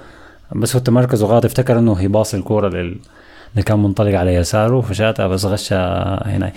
لكن على الكورة دي يمكن كان الحاجة المميزة فيها في كان في عدة حاجات. الحاجة الأولى إنه ملعوبة يوم 23 4 وده في كاتالونيا يوم مهم شديد اللي هو يوم يوم سان جوردي. سان جوردي يوم بيحتفلوا فيه في كاتالونيا إنه ده يوم الحب بتاعه. ده الفالنتاين في كاتالونيا بالمناسبة. يوم بتلاقي الناس كلها طالعة وبيوزعوا ورود ومع عشان كده في مقاطع طلعت ل لإدارة برشلونة بتوزع ورود على اللعيبة وهم داخلين الكوره آه انت وزعت ورود؟ أنا في مدريد يا ما عندنا حاجة زي دي نحتفل فالنتين يوم 14 اسمه شنو؟ وهو ما 14 14 فبراير هاي. ما نحتفل في شهر أربعة. ف لأنه دايرين ورودنا إحنا يعني منتظرين خلاص معنا ما في وأنت متصدر دوريك؟ حتخسر صدارتك. بس يعني. كمان الصدارة دي انت أنا شفتكم اتعادلتوا مباراتين ورا بعض. كويس. واداءات تعبانة وميتانة. أجي امشي أجي راجع القى لسه فارق. النقاط 11 نقطة زي ما هو ما في شيء يتغير. ما الريال يديه العافية. أنتوا قاعدين تعملوا في شنو انت كمان يا مصطفى؟ ده شنو حس؟ كمان فايزين ها، تعادلوا هو كان 15 بقى 11 في شنو؟ عاوز أحمد ربك قال لك. آي. بعدين هم عاوزين attention يا man ما كانوا عاوزين attention يا man هي واحد ما شغال بهم شوية كده. آي. أنا ذاتي ما شغال بهم. أنا فريقي ما لقيت شغال بهم. شايف فريق المنافسة شايف انت بتنافس كيف وأنا بنافس كيف؟ أنا تعادلت مباراتين ورا بعض. جل بعبع ده القرش دائما طوالي في رقبتي. انت بتتعادل وبتخسر وبتمشي وبتجلي مباريات وبتجي راجع. فارق الصدارة زي ما هو. اي ما هو الريال الريال لو داير ينكد على برشلونة موسم ولازم يجيب الأبطال بغادي فدي دي مصيبة ثانية عشان ما الزول يركز. بالضبط آي. لا لا يا يرمي الكاس بتاع الدوري الإسباني في البحر نكسر عديل الكاس بتاع تيباس ما نافع كسر رخيص. فالمباراة ملعوبه في يوم مهم شديد فعشان كده برشلونة كان لابس ال- ال- الطقم بتاع كتالونيا اللي هو الطقم ماكدونالدز اللي هو أصفر وأحمر. حاجة شيء قبيحة شديد يعني. كويس وبعد ذاك الجماهير كلها لابسين أصفر وأحمر وما أعرف شنو احتفالا بال... باليوم ده. آه لكن الاحتفالات كلها والفعاليات كلها كانت قبل الكورة. من الفعاليات الثانية كانت موجودة عودة لعيبة آه من اصابته يعني نتكلم عن عودة بيدري للتشكيلة أخيرا. الجوهرة يا سلام يا أخي. بعد فترة طويلة شديد يعني ده أكتر لاعب كان مهتم به. ما في اللعيبة التانيين جهزوا لكن ما ما ما ما رجعهم للتشكيلة. اللي هم كريستنسون وديمبلي لسه ما موجودين. فبس يا عودة بيدري كانت مهمة شديد وبرضه دخل لاعب في التشكيلة شافع عمره 15 سنة. آه ما لعب أساسي لكن لعب في الدكة. آه واحد من العباد اسمه لامين جمال. احد الناس المشردين في برشلونة. برشلونه طبعا بقى ملجأ يعني أساسا ما بقى نادي كوره فبس دي كانت الحاجات الموجودة قبل الكورة. لكن أثناء الكورة ما كان في أي فعاليات ثانية تذكر. آه مباراة تعبانة شيء مباراة كانت صعبة شديد لأنه بدأ بدأ بدأ فيها أتلتيكو مدريد بفرصة من أول من الثانية 44 جت الكورة لأنخيل كوريا كشف فيها دفاع برشلونة باصاها لجريزمان. جريزمان شات الكورة من فوق تيرشتيجن ضربت في العارضة. كان غير شديد الهدف ده لو جاء آه لكن ضربت في العارضة فرصة جريزمان ضاعت. طبعا جريزمان ممكن من أحسن إذا ما كان أحسن لاعب في الدوري الإسباني الموسم ده. الزول ده بيقدم مستويات عالية عالية عالية شديد لكن يعني بيلعب في أتلتيكو مدريد فما ما, ما في نتائج جاية مع المستويات بتاعته. لكن الزول ده بي بيشايل وسط وهجوم أتلتيكو مدريد براو على راسه. يعني نفس نفس جريزمان شفته في كاس شفته في كأس العالم كيف كان شايل فرنسا؟ بس هو ماشي بنفس ال style ده في الموسم ده مع مع أتلتيكو مدريد. وخلاني أفكر يعني كيف كان جريزمان لو استمر في برشلونة بعد you know بعد ما خرج ميسي؟ هل جريزمان كان ممكن مع يعمل آه، كان ممكن يعمل حاجة وكان ممكن يشيل النص يعني. لاعب يعني ممتاز شديد يعني لكن ما مشكلة. طلعنا منه ب 40 مليون ما خساره فده كان من ناحية أتلتيكو مدريد. خساره أنتم مش اشتريتوه ب 100 وشوية؟ إحنا ما بنتكلم على حسابات الهسه دي ما ترجعنا ما ما, ما بتذكر حصل شو قبل ثلاث سنين. آه، طيب إذا بالنسبة لك تيرس آه اسمه منو؟ جريزمان أفضل لاعب في الدوري الإسباني. في زول تاني أفضل لاعب في الدوري الإسباني بالنسبة لي وإن كان يلعب بين قائمي الميدان الحراسة يعني عشان كده الناس ما مهتمة به. تيرشتيجن الناس كلها بتمدح في موسمه بالتأكيد. لأنه بال clean sheet اللي جابها في المباراة دي عاد الرقم كلاوديو برافو. كلاوديو برافو في موسم واحد إنه عمل 23 clean sheet. فهو جابها ولسه لا زالت هناك ثمانية مباريات ستلعب بعد في الدوري يعني. آه. شكله حيكسر حيكسر ال record عديل كده. إلى الآن في الكامب نو هو لم يهزم بهذا الموسم. 15 مباراة فاز في 12 تعادل في 3 13 clean sheet وخشوا فيه جونين بس في الكامب نو. الكامب نو. آه. دي أرقام جبارة. طبعاً،. أكيد. أكيد. ما في أي كلام. آه. طيب هذا زول زرع شعر ومقدم موسم كويس ملاحظ؟ في آه. تراجع في المستوى. لا تيرشتيجن الحاجة اللي عملها الموسم ده خرافية. منظومة الدفاع بتاعت برشلونة اتحسنت الموسم ده. أنا ما يعني حاجة بتعدي تحت الرادار. ما الناس ما بتجيب سيرتها كثير يعني. الناس أحيانا بتقول أراوخو هو كويس ما عارف بالدي مستوى. لكن في المنظومة كاملة وبيت ترشتيجن كلها رجعت يعني. دائما في دائما الدفاع بيجي فرص ضده لكن أهداف ما بتخش. لو بالضبط. أنت لو بتمرق مرة مرتين يعني بنقول هاي موضوع صدفة ظبطت معاك لكن أنت كل مباراة كده نهاية إحنا وصلنا هسه دي الجولة رقم 30 برشلونة آه، في المجمل استقبل تسعة أهداف بس.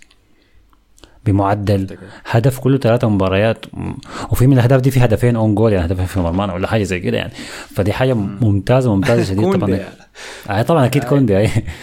الرقم القياسي بتاع ال clean sheets في موسم واحد هو 26 clean sheet واتعمل السنة 93 موسم 93 94 لديبورتيفو لا كورونا مم.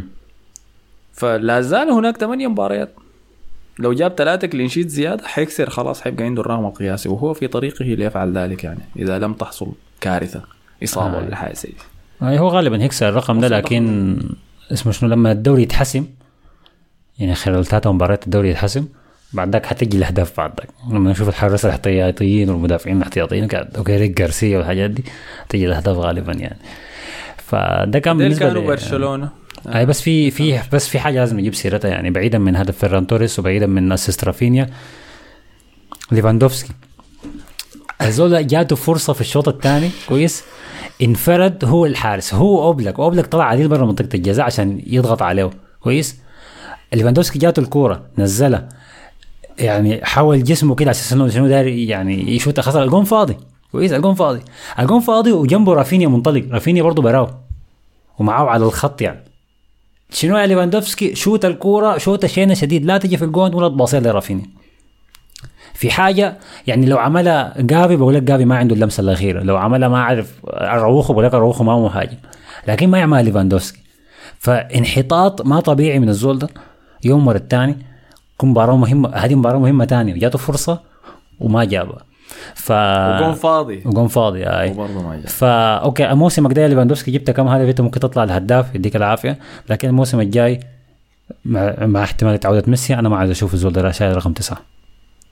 وصلت وصلت اكتفاء. يعني دا أنا داير شفت لوك دي يونغ يرجع ولا يقعد ليفاندوفسكي عيني إذا ده ما كان أول موسم لليفاندوفسكي مع برشلونة. شايف اداؤه ده بدخله عن قريب؟ هل دي تهمة كافية إنه يخش العنقريب إنه مهاجم جايب مبلغ كبير ويعتبر من الأفضل في العالم وما بسجل في المباريات الكبيرة. هي حصانة الموسم الأول بتح... بتحميه وأهدافه جابها قبل كأس العالم في الفرق الصغيرة بتحميه برضه. لكن خذلنا كثير كل ما احتجنا له كل ما احتجنا له ما لقيناه. فهي تهم أقدر أحدد إذا ده سبق يعني. إذا إنه إذا قلنا دي حاجة مقبولة الموسم الجاي أنا أقدر أعاين لناس آخرين يعني يمكن يخشوا العنقريب برضه. رأيك شنو يا مصطفى؟ آه أنا شا يعني والله ما يا أخي ما شايفها ما شايفها كفايه يعني لأنه هو أصلا لاعب كده يعني أنا ما ما حكاية مستوى يعني هو أصلا كده يعني. وكانوا بيقولوا إنه أفضل رأس حربة في العالم. مين اللي كان؟ يعني. الموسم اللي قبل اللي فات. هو اهدافه مع البايرن الكثيرة دي غشتنا صراحة آه بعد ما ما- فاز بال Champions League مع بايرن دي هي كانت المحادثة هو أفضل رأس حربة في العالم. وحتى لما برشلونة دفع فيه 50 مليون الصيف ده كانوا بيقولوا إنه هو الأفضل برشلونة محتاج هو المفروض الأفضل يعني أنا ما شايف إنه في حاجة كان بالعكس كانت صفقة كويسة شديد يعني على الورق صفقة جدا ممتازة. انت عايز ليفاندوفسكي في فريقك ده شيء أكيد يعني. لكن شفنا حاجة تانية خالص يعني. شفنا شيء تاني شديد ف هسه احتمال عودة ميسي كبير أنتوا شايفينها يعني. حاجة حاجة يعني كافي يعني يخش على قريب؟ آه. مخيبة أي كفايه آي، انه تدخل آي. لاعب على العنقريب آه بس باختصار ما أدري لا حتى أي كلام يعني. ما مقبول. والله أنا صعب يعني لأن إحنا في, لاعبين ما دخلناهم لأنه أصلا مستواهم كده يعني. زي محرز مثلا كده يعني ف أنا حاجة من زمان قاعد أقول إنه اللاعب ده كده مستواه كده هو. إحنا ما لعب كنا عارفين. أنا بعامله إنه مستواه ما كان كده فعلى أساس ده بقول لا يخش على قريب. لكن هاي طبعا ممكن على سنة, أساس سنة أولى يعني. يلا هي ظلم للاعب. إحنا ما ممكن نحكم على اللاعب بس بمساهماته في المباريات الكبيرة. لأنه الموسم 38 مباراة والكاس ما عارف كم تسعة مباريات بتلعبها عشان تفوز بكاس. ولكن لما نتحدث عن الأفضل في العالم لازم يكون عندك لحظات كبيرة هسا الكلام شنو؟ الكلام هسه بيقول لك إنه خلاص ميسي راجع وهسه عنده اجتماع في برشلونة وبيلاقي اللعيبة وبيسألهم الوضع كيف وقروش بيدوكم رواتب آخر الشهر ولا شنو؟ داير يتأكد من حاجة. تعرف الموظف اللي بيمشي شركة جديدة يخش Glassdoor المواقع دي يشوف ال- ال reviews بتاعت الشركة كيف؟ فده قاعد يعمله ميسي يعني فإذا إذا إذا ميسي راجع أنا ما عايز حكاية ميسي وليفاندوفسكي في نفس الفريق. أنا ما أقدر أشوف دي تاني يعني. واحد منهم بس الاثنين ما ينفعوا مع بعض. هيكون في بطء شديد في الفريق كده. أنت محتاج واحد بس بيتمشى ما محتاج اثنين بيتمشوا. وواحد منهم بيضيع. يعني داير ميسي يكون هو المهاجم؟ أما ميسي يصنع لفاتي يصنع ان شاء الله لفيران توريس لكن ما يصنع ليفاندوفسكي. ليفاتي يفتح يفتح اللي فاتي فيه عمل ليفاندوفسكي ما فيه عمل. أنا أنا قنعت شفته شوية الحاجات اللي شفتها خلاص خلاص يعني بطني طمت عليه كده. أنا من أنا قلت لك عملت له unfollow من كم أسبوع. ليفاندوفسكي من الانستغرام ما داير ما أشوف حياته الخاصة. أنا ما أعرف الناس اللي كانت قاعد تقول إنه أحسن مهاجم في الناس دي كانت بتتفرج مباراة الشامبيونز ما بيتفرج ذات مباراة الشامبيون بيشوف ال 7 0 اللي بيجيبوها في دوري المجموعات ده وبيقولوا خلاص يا دخل هاتريك ضد آه، فيكتوريا بيلزن ولا ما أعرف شنو يا man في روسيا هناك. شنو دخل سبع اجوال خلاص يا man زين. أحسن مهاجم في العالم. عادي واضحة يعني أنا بقول يا أخي ما بتاع مباراة كبيرة يمشي يرجع لي يا man دورتموند دخل أربع اجوال في ريال مدريد. دورتموند يعني. أنا كنت في الجامعة. ما ما انت بشوف شو مصطفى كنا بنشوف أرقام آخر الموسم جاب كم؟ 40 جول. كسر كل شوي كل سنة كاسر رقم جيرد مولر. بيعيدوا الثاني رقم بيكسروا ثاني كل موسم يعني. بعدك جاب البولندور عمل حجة. وأنا ما أدوني ذا بيست وأنا ما أعرف ما ادوني شنو لغوا البطولة عشاني وأنا أستاهل. الكورونا جات فالضوضاء عشان دي كلها. حوالينه حسسنا انه صوته عشان كويس تمنع يعني. ال- العبث ده انه يدوا الكورونا عشان يدوا البلندور يعني. احتمال ايته ما اعرف ها كنا بنقول إنه الظلم حسي طلع ما الظلم ولا يجي دي كانت اتكشف الكورونا حصلت عشان حكمة إلهية إنتوا اكتبوا لنا في التعليقات رأيكم شنو إنه هل دي تهمة كافية إنه هو ما حيخش العنقريب أنا ما قاعد أقول ده بس. وضع افتراضي يعني إذا تكرر السيناريو ده في المستقبل للاعب تاني في نادي آخر بيغيب في المباريات الكبيرة هل دي تهمه كفاية تدخله العنقريب؟ لأنه هالاند في الدوري الإنجليزي قبل مباراة أرسنال ديك الشهر اثنين ولا واحد دي ما كان سجل في أي فريق كبير خارج ملعبه آه لكن الفرق شنو يا احمد الفرق إنه ده واحد ده عمره 21 سنة يعني. بالضبط. أيوة. ممكن يتحسن ممكن تحصل حالات كثيرة يعني ممتاز. أيوه. ده ذاك عمره خلاص يعني ده- 32 سنة ده خلاص يعني ذاك ده خلاص فيه ما في اتكشفت. يا مان يعني أنتوا آه. هم خلينا يكتبوا رأيهم في التعليقات شنو أنا بدخل ليفاندوفسكي في المعسكر الصيفي يا مان نبدا يوم واحد ستة أول جول بالسعق مش مش حلقة الجرد ديك بنمرق الجماعة ناس انسو فاتي وارنولد بدخل ليفاندوفسكي طوالي. دخل من بريزيزون يعني آه طيب فديل كانوا برشلونة. مرور سريع بس على باقي المباريات التي حدثت بهذا الأسبوع. ليفربول نوتنغهام فورست 3 2 مباراة تشيلسي خسارته ضد برايتون كانت الأسبوع ده؟ لا, لا لا, ده الأسبوع اللي فات. ربنا رحمهم ما لعبوا كورة الأسبوع. غطيناه طيب في الحلقة دي آه ولا الحلقة اللي فاتت غطيناها لا خلاص تمام. الخبر الوحيد بس بتاع تشيلسي كان بعد المباراة طلع خبر من الاتلتك يا مان إنه كل اللاعبين بتاع تشيلسي معروضين للبيع. والله يا أخي ده دي كلام قمامه جديدة دي. كمان لويس انريك انسحب من السباق للتدريب. ناجلزمان ذاته انسحب من السباق. ناجلزمان ذاته. قال الموضوع ده ما شايف هم شايفين إنه ما عنده خبرة كفاية وهو شايف إنه الموضوع جاد شديد. في طيب في يلا واحد- خلي يلا نعم في- عشان- قول قول. في واحد صحفي كان في المؤتمر اللي قبل مباراة ريال مدريد سأل لامبارد لا طبعا لأنه تود بولي بعد كل مباراة بيخش غرفة الملابس وشنو آه. وبيتكلم قبل وقبل الم... بيتكلم في التشكيل. فالناس سألوا لامبارد قال له انت اسمع الزول ده بي... بيتدخل في التشكيلة. يعني شايفين إنه داخل في الموضوع أكتر يعني من الحاجة دي. مم. فلامبارد يا مان رمى إبراهيموفيتش تحت البص يا مان. قال له لا لا المالك السابق ما كان شغال بالموضوع خالص ما كان عارف أي حاجة. ده أنا عاجبني إنه كده يعني داخل و... ده بيظهر اهتمام يعني لكن دي red flags man. قاعد يكسر تلي جوا احتمال ده آه، آه. يبقى مدرب. آه، ده red- ده red flags بس ده حاسيه بدأ يتدخل في الموضوع ده كمان يتدخل في التشكيلات يا مان و... اوضح أوضح حاجة. كلامك ده؟ لامبارد هو المدرب؟ ميسن ماونت ما قاعد يبدأ أساسي. آه. تعرفين قصة الحب بين ميسن ماونت وفرانك لامبارد آه. من أيامه في ديربي كان صح؟ آه، في ديربي. في ديربي. لامبارد اسمه ماونت ذاته كان هناك. ولعب تحته كل مباريات الموسم حتى مباريات أكثر من اللي اتلعبت أصلا في الدوري. وبعد ذاك في موسمه الأول برضه ماونت ده اللاعب الأساسي عنده. ولما اعلنوا إنه لامبارد حيكون المدرب المؤقت في باقي الموسم ده مشجعين تشيلسي كلهم قالوا آه معناه ماونت بعد ده هيرجع أساسي. مع إنه كان خارج التشكيلة تماما. لحد هسه ما قاعد يبدأ أساسي. ليه؟ لأنه تود بولي بيقرر منه يلعب وما يلعب. طيب دي حاجة كويسة. الكلام ده لما بيحصل في الخليج أنتوا بتقعدوا تطعمجوا في النوادي آه ده فلان المالك دقة قال ما يلعب فلان ده دقة قال ما يلعب. ده قاعد يعمل نفس الشيء حسي في أكبر نوادي النوادي الأوروبية في العالم. فده بجهه بالجهة الثانية الأخبار قاعد تتسرب لكل شيء بيحصل جوا تشيلسي. انسوا الأخبار ذاتها. أي شيء قاعد يحصل بيحصل في غرفة تبديل الملابس إحنا قاعدين نعرفه. اللي بيحصل على المستوى الإداري؟ إحنا قاعدين نعرف التعاقدات اللي بتتسوى للمراهقين الجايين من آه، كولومبيا وبلغاريا والبلدان دي قاعدين نعرفها آه، المنو دايرين يتعاقدوا معاه المدرب المرشح الما مرشح إحنا قاعدين نعرفها حسي دي بيئه كويسة؟ طيب فده ده موضوع التسريبات. في الجهة الثانية لويس إنريكي قالوا إنهم هم ما دايرينه. يعني هم راجعوا طلب هو جاء وقدم عرض وكل الحاجات دي. وإحنا في الحلقة اللي فاتت قلنا إنه شخصية لويس إنريكي التحكمية في غرفة تبديل الملابس ما حتنفع مع تشيلسي الحالي ده. وفعلا ذلك ما حدث. ف... لكن تشيلسي اللي هو طلع وقال إنه شنو؟ لا الزول ده متطلباته قاسيه شديد. ما حينفع معانا. إحنا ما دايرين بينما ناجلزمان هو كان هدفهم الأول.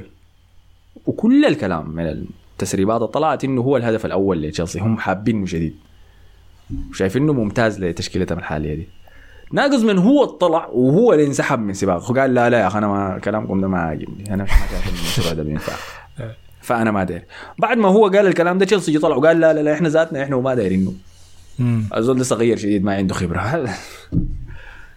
صغير شديد عنده خبرة دي ما دي مش يعني دي من أول حياة اللي انت بتعاين لها في الزول المتقدم. دي ما حاجة انت بتكتشفها بعد ما بتتقابل معاه بعدين انت ذاتك مج... يعني ك- يعني قرار نيجزمان منطقي شديد. يعني انت ما ممكن تجي تشوف المهزلة الإدارية دي ولا الحياة الغريبة اللي حاصله دي وتجي عايز تبني مشروع وبتاع آه، ده همج ده نعم. زايدة يعني عباطه دي أي. فطيب كده الاثنين ده اللي اتخرجوا بقى المرشح الثالث هو بوشيتينو رأيكم؟ بوتشينو أيوه بوتشينو ظهر من ما في. والله يا أخي بوتشيتينو كويس.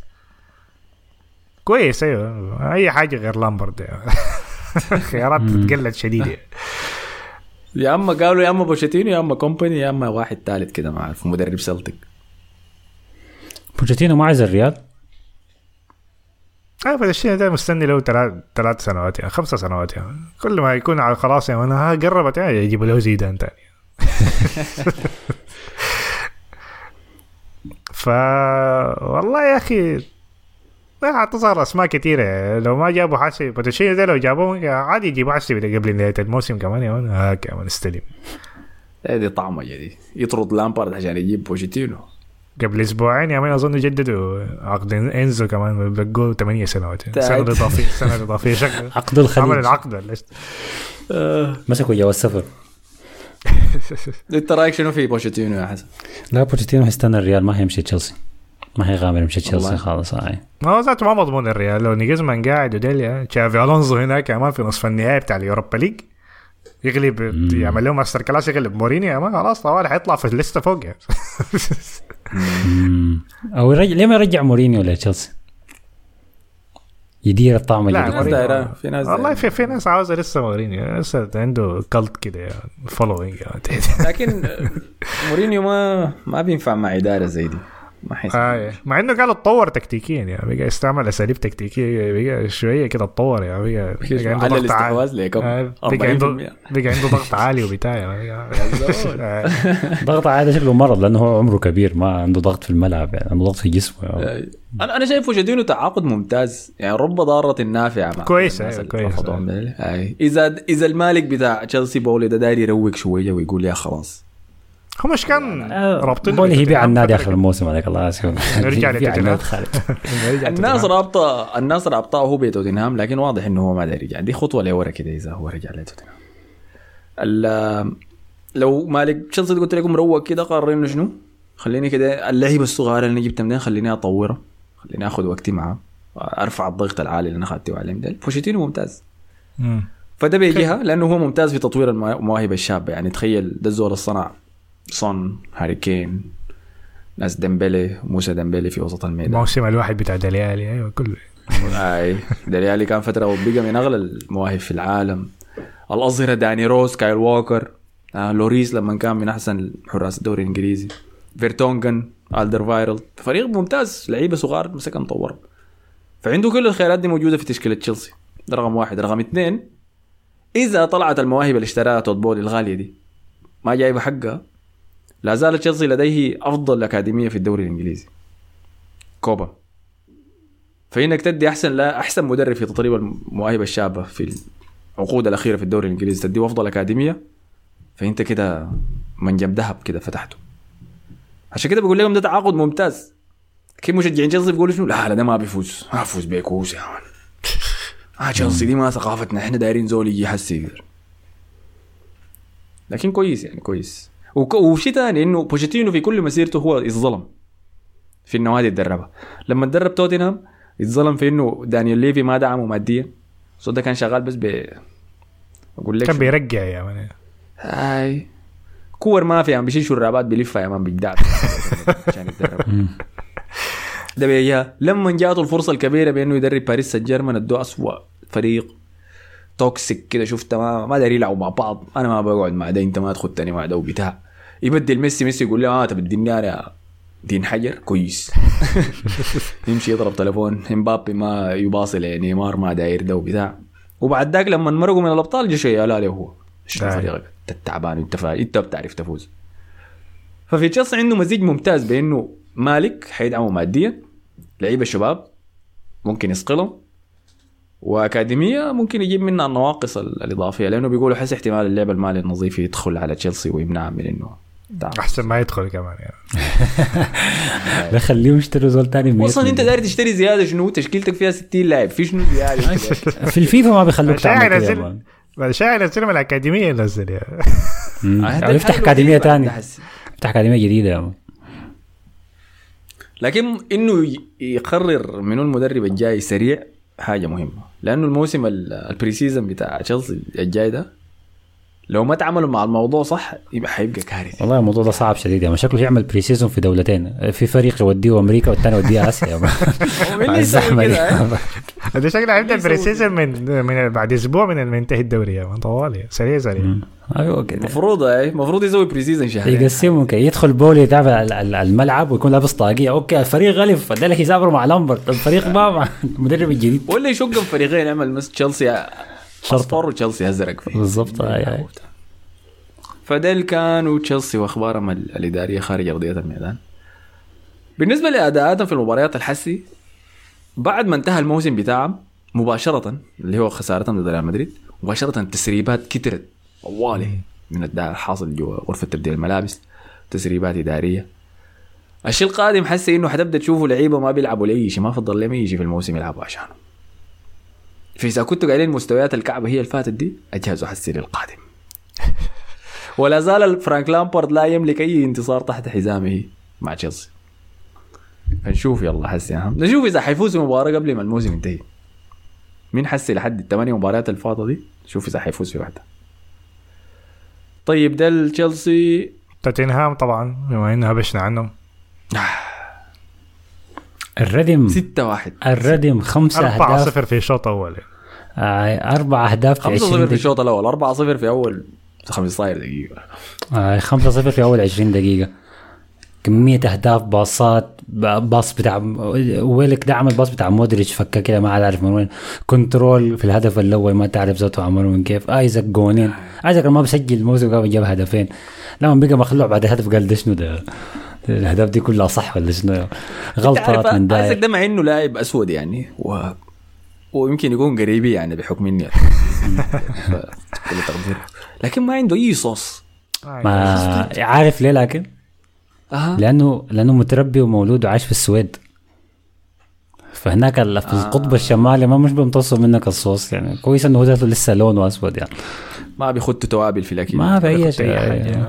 بياكلوا بس سريع سريع. عشان ما في أي صوص صفر. يعني ولدنا ويلوك على بعد ما صنع له الجون داك بالباص. ويلوك انتظروا في الزاوية زي نظام راح نعمل احتفالنا بتاع. يا أخي عمك مش هدا أكتر احتفال بيض يا أخي. بس يتزحلق على ركبتين وشو يقول لك في السويد هناك بياكلوا بياكلوا الدجاج سريع سريع قبل ما تخرب الفوائد الغذائية ما في البريد ده. ما في وقت اي أيوه كده ما في أي صوت صفر صفر بس. فالحاجة دي مزعلاني والله حقيقة يا أخي. أنا ما أعرف فقدان الشغل اتمنى سانت ماكسيمان وجولينجتون عباية ديل يعني يعلموها. يظبطوا شوية كده يا أخي العباية. أمرقوا معاه وطلعوه يوروه كيف. يعني أنا أنا ممكن أفهم. ما نيوكاسل ذاتها مدينة مملة صح؟ فيها حاجة نيوكاسل دي؟ لا لا يا أخي نيوكاسل بالمناسبة أنا وحسن كنا بنتكلم في الموضوع ده قبل أنا ده التسجيل. مش قلنا إنه كل بلد بيكون فيه مدينة؟ السودانيين بيمشوا لها؟ هاي. في كل كل بلد؟ دالاس. طلص خلص يا مان. في تكساس. فنيوكاسل هي المدينة السودانية في في إنجلترا. يعني لندن فيها أي سودانيين كمية لكن نيوكاسل نيوكاسل في شوارع بتمشي فيها بيكون في سودانيات لابسين ثياب ماشيين في الشارع يعني بتشم ريحه بخور كسرة إذا داير كسرة بتمشي نيوكاسل. احلام العصر ده جا- كيف يعني كسر من نيوكاسل؟ هاي. فده بيجيها بالجهه الثانية يعني مدينة في شمال إنجلترا لكن أكبر مدينة في شمال إنجلترا يعني مدينه مدينة يعني. أنا ما بقول لك زي لندن لكن أحسن من مانشستر مثلا. فما ما في عذر له مانشستر ما مانشستر يكون ما فيها صوص. فعلا. هسه يمشي آه، ايزك ده يحنك له هو أريتري ذاته أصلا أريتري هو. يحنك له واحدة. سودانية. أنا العنصرية ما ليه ما يكون أريتري؟ عادي يا أخي. هم الاثنين بلد لا لا يا أخي اثيوبي يا من أصل اثيوبي أوكي طيب خلاص. هم مش كان بلد واحد اتفصلوا يعني؟ والله كانوا الحبشة كلها هاي، كانوا مع بعض هاي. كان. المهم تقول كنا. مش حنك له واحدة سودانية عرسها ولا حاجة زي كده في نيوكاسل. والله دي نقطة كويسة. لكن هل السودانيات بيدوك صوص؟ ما ما, ما شايفها. هاي. ما في العالم الأبيض ده أكيد طبعا بدك صوص هاي. خير من عرس واحدة سويدية بيضاء يعني. هو دي نهايته غالبا لو أنت سودانيه حزينة في نيوكاسل النهاية. بتسمع البودكاست تمشي أنزل شوف آيزاك بي- بيلفلف وين آخر الليل العربية بتاعته دي لا لكن اداء ممتاز من نيوكاسل يعني اداء من كل اللعيبة أنا مستغرب إنه okay تشيلسي أنا متفهم إنه مواسمهم انتهى خلاص يعني ما عندهم حاجة فقدان الشغف أنا فاهمه لكن أنا ما أعرف نيوكاسل توتنهام ده حالكم شنو يعني ممكن انت بتكون منافس على ال Champions League لسه وعندك فرصة كبيرة يعني لسه فرصتك لسه في يدك يعني ما ما مشت يعني. قدم المستويات المقززة دي خلاص كأن الموسم انتهى يعني. فعقليا هجاميه بجد يعني ما ما فيها آه. هي دي دي مباراة تمرير الشعلة. إحنا شاهدنا أمامنا رسميا خروج توتنهام كفريق قريب كبير من فرق ال top 6 ودخول نيوكاسل مكانه خلاص. دي النهاية بالنسبة لي. هاري كين لعب كويس. يعني صنع جول لنفسه من ما في راوغ شار داك طبخه لك تخيل هاري كين يطبخك. قلنا آيزاك ما عنده صوص تخيل كين ما عنده ص... اي شيء يا مان؟ ده بياكل سندويشات عيش. عيش عيش. ما في أي حاجة يعني وبعد ده كله طبخ صار وسجل جول فهاري كين لأجل مسيرتك لأجل أن تلانا الاحترام. يعني في ناس بتتكلم عن ليفاندوسكي هذا هاري كين أحسن من ليفاندوسكي. آي. لكن لأنه ما عنده أي إنجازات تحت اسمه. الناس بتقلل من احترام له أنا شايف هاري كين في المحادثة فوق مع مع بنزيما عديد كده لكن آي. لأنه ما عنده أي شيء profile style اللعب آي. يعني. آي. ما. بس لأنه ما عنده أي إنجازات ما في احترام له امرق يا أخي امشي أمشي أي مكان مش مانشستر يونايتد. أمشي مانشستر يونايتد تعال برشلونة برضه مشكلة. داير أشوفه يتكلم إسباني دي هتكون شيء. عشان جاري إنجليزي ما بيتكلم. جاري لينيكر ده يا معطنا يا مان. لاعب آه. إنجليزي مشى برشلونة زيه يا مان يا معطنا. إيه كافي ما هو كمان من توتنهام زيه برضه. سون كمان سون إذا برضه داير تمشي يونايتد أمشي يا مان. سوني اتردم في الهدف الثاني. رد مشينا خلاص. قلبوا لك فوق. سوي أي شيء يعني ممكن. ده لكن يمشي بس أرسنال خلاص يا زلمة. خليه يمشي. آه ما في مكان له ذاته يعني اخلاقه مسر قاعد هناك. نفس الجهة. أيوه ودي دي ما بتحصل من توتنهام لأرسنال دي, دي انتحار يعني. مم. لكن سول كامبل أيوة. عملها هذاك داك زمان قبل ال social media. خلاص. ده انتحار لل brand بتاعك إذا عملت حركة في زمننا العالمي ده. آه اسمه شنو؟ خلاص أي لاقين انتهوا انتهوا. تاني ما في شيء. تاني ما في حاجة. مع السلامة. السنة الجاية لما نعمل التصاميم حقت السنة الجديدة فرق ال top 6 حنخت نيوكاسل مكانها مكان توتنهام. باختيارنا طبعا أخي. باختيارنا. ده ما ده ما قرار جاي من أي حتة يعني بس التنبيه سون ده يمشي نيوكاسل ذاته يا man خليه وين يعني. لو هاري كين ذاته يمشي نيوكاسل. والله يا أخي أنت عارف. فكرة لا ما اشتروا ايزك يا ب 60 مليون هسه. لاعبين جنب بعض يا. super squad نبدأ. من طوالي. نفض بناء ال squad نمشي super squad طوالي. ممكن أي. هم ما دفعوا قروش عندهم. حيكون في منافسه شديدة على هاري كين في الصيف. جدد كده عقده، لكن؟ منو ما في زول محتاج مهاجم والله إحنا محتاجين مهاجم هو- عقده باقي له سنة ولا باقي له كم؟ اخذه باقي ما سنة. عقده له ولا. خلص ولا خلص خلاص يعني. سنة سنة فضل سنة آه لسه ما حيبيعوا مجنون ده حي حيمعط الزول الداري يشتري آه، 100 حيكمل. مليون 100 مليون تفضل سنة. 100 مليون يا زلمة 100 مليون عشان نقعد معاك في الترابيزه لا قبل ما تفتح التلفون كل ساعة 500 ألف يا مان نتكلم. أقسم بالله معاطي. ليفي ده أكثر بني آدم. ما هو زي تعاقدات ريال مدريد دي مودريتش وبيل ده اقصد طلع قرفنا قرف يا من شهر من شهر سبعة يا man. الانتقال بيحصل شهر 10 آخر يوم في الانتقال. بيريز كل يوم مسافر. كل أسبوع مسافر يا. يهود يهود ما بتتعامل معاهم في حاجة فيها بيع وشراء متعبين شديد زي مالك نابولي ذاك يا شفت هذاك داك لازم أيوه حاجات بتحصل. بتبدا ال- الكلام بيبدأ من شهر سبعة. اللاعب شهر تسعة خلاص بيكسر الحلقة بيقول يا man بيزهق يعني بيجيب لا، اكتئاب ذات آه بيقول حمتنع ما حمشي مودريتش يا man، تخيل مودريتش. مودريتش ده عمره ما شكله ما أخذ مخالفة ذاته بتاعت سواقة ولا رادار ولا اي حاجة مش قال ما جاي التدريبات قفلت معه عشان يطلعه. انت أنت ليه عندك الأجندة دي إنه مودريتش ده زول كويس. إحنا ما عارفين يمكن يكون زول كعب يا man ورا لا، الكعب. غالبا زول كويس ما- يمكن بيدق مرته يا man. ما بشيشه أصلا. إحنا عارفين إنه بشيش خليه بشوف شغال يعني. 24 ساعة يا خليه يريح يريح جو يعني. أنا بس بشوف يعني من حياتي من الملعب يعني. أنت من اخلاقه في الملعب وكده يعني. ما- الزول عنده عيلة وبتاع بيمشي يحضر. حضر عيد ميلاد ديسيان يعني؟ الوحيد في يعني. لما كان يسمع. آه والله يا أخي شفت هو كرافاليو الوحيد يعني وجه دعوة لكل اللي ده, ده لما نسيان كان في ريال مدريد صح؟ آه هو ذاته ديسيان ده بيبالغ. في أكثر موسم يا مان توكسيك يا مان في النادي يا مان جاي يعمل عيد ميلاد. لكن مشى مودريتش والله يا أخي. آه ما ادري طيب فكان ده كل شيء هاي آه، ما عندنا شيء كثير نقول يعني عن فوز نيوكاسل على توتنهام. هل أنا قلق إنه أرسنال لازم يمشي هناك ويلعب؟ شايف إنه توتنهام ما عمل أي شيء في المباراة دي؟ يعني أي فريق ثاني كان ممكن يمردغ المردغه دي ونيوكاسل ما فريق غزير. خسرت تهديفيا خلص أهدافه كلها في كره واحدة. أي. بحس نشوف كده المباراة الجاية. فده كان كل شيء. كده أظن غطينا كل حاجة. الشيء اللي كنت أسألكم ليه يلا كان في سؤال شنو؟ إحنا كنا سؤال اللي قلناه بتاع الحلقة دي كان أيوه إنه إذا مهاجم كبير ما بيسجل في الفرقه الكبيرة هل دي تهمة كفاية ليه يخش العنقريب رقم واحد. رقم اثنين داير اسمعكم إنتوا وين حاليا موجودين في السودان؟ لأنه ناس الخرطوم يعني ما عارف إذا قاعدين يحضروا مباريات أصلا. عشان كده بنحاول نحن نسوي اللي بنقدر عليه انه نخليكم تواجدوا لكن ورونا إنتوا مثلا الناس اللي قاعدين في الولايات ولا إذا قاعد في الخرطوم هل لسه قاعد تحضر مباريات ولا بتحضر ال highlight بس؟ كيف انت مؤقلم مع الأمور الحاصلة حاليا في السودان؟ كيف بتتعامل معاه كيف بتقضي وقتك كده يعني؟ أي. حتى إذا يلا إذا داير تكتب حاجة طويلة مثلا رسالة طويلة بال بالمرة بيو رسل لنا في ال social media. آه، رسل لنا في إنستغرام في في فيسبوك في أي مكان وحنقراه يعني. اذا جو كتار بس حختار كم واحدة لكن يتأكد إني حقرأ كل شيء ها حرسلها للشباب برضه عشان يقروها تمام؟ بالضبط. فشكرا للناس اللي كتبت لنا تعليقات على الحاجة اللي نزلناها سريع سريع حتى المرة اللي فاتت دي. شكرا الناس تواصلت معنا متابعينا لو بيسمعوا طوالي. يعني إن شاء الله تكونوا كويسين. قلوبنا معاكم والله يا أخي إنتوا دائما على البال. زول ما بيقدر يحضر الكوره ذاتها بمزاج حسي. بغصب كده بس حسي ذاته مرات بحس إني ما أصلاً. زي مباراة منو كان حسيت انها غصب. برايتون يونايتد دي أمان دي كان بيض. بيض عديل كده. مساعدة ذاتها يعني مباراة بيضاء اي إن شاء الله يا أخي ارسنال يفوز على السيتي ويدينا حاجة كده دفعه كده نفسية في الفترة القادمة. ولا في ناس حتزعل؟ أنا شايف في ناس حتزعل إذا الكلام ده حصل. لا لا بالعكس أنا أكون مبسوط توقعي يكون صح يعني. انت أنت ما تغير توقعك. لا لا أنا ثابت يعني ما بغيره. كده أنا بعد ما خلص التسجيل بمسك وبخمس يا man. اعرضه للتعذيب يا man. غير توقعك.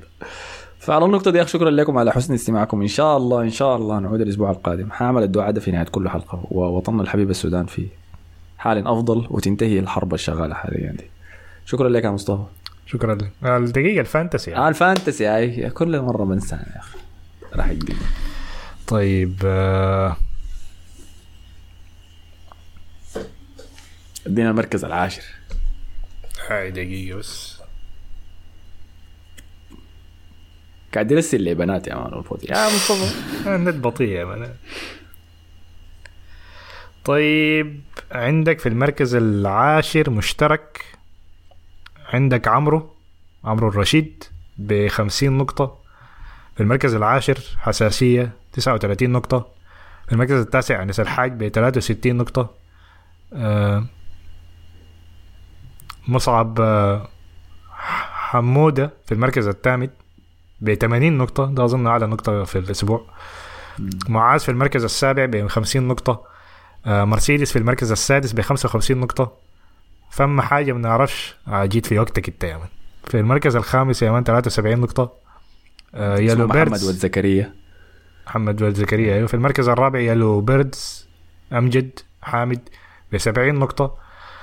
برغوف عبد الله عبد الله عزيز ب 74 نقطة في المركز الثالث دايجستيف في المركز الثاني ب 66 نقطة وأبي أبي الطيب في المركز الأول ب 70 نقطة. وأبي الطيب الحلقة اللي فاتت كان في المركز الثاني. قدر يتجاوز Digestive حسي واستعاد الصدارة في المركز الأول بفرق نقطة واحدة.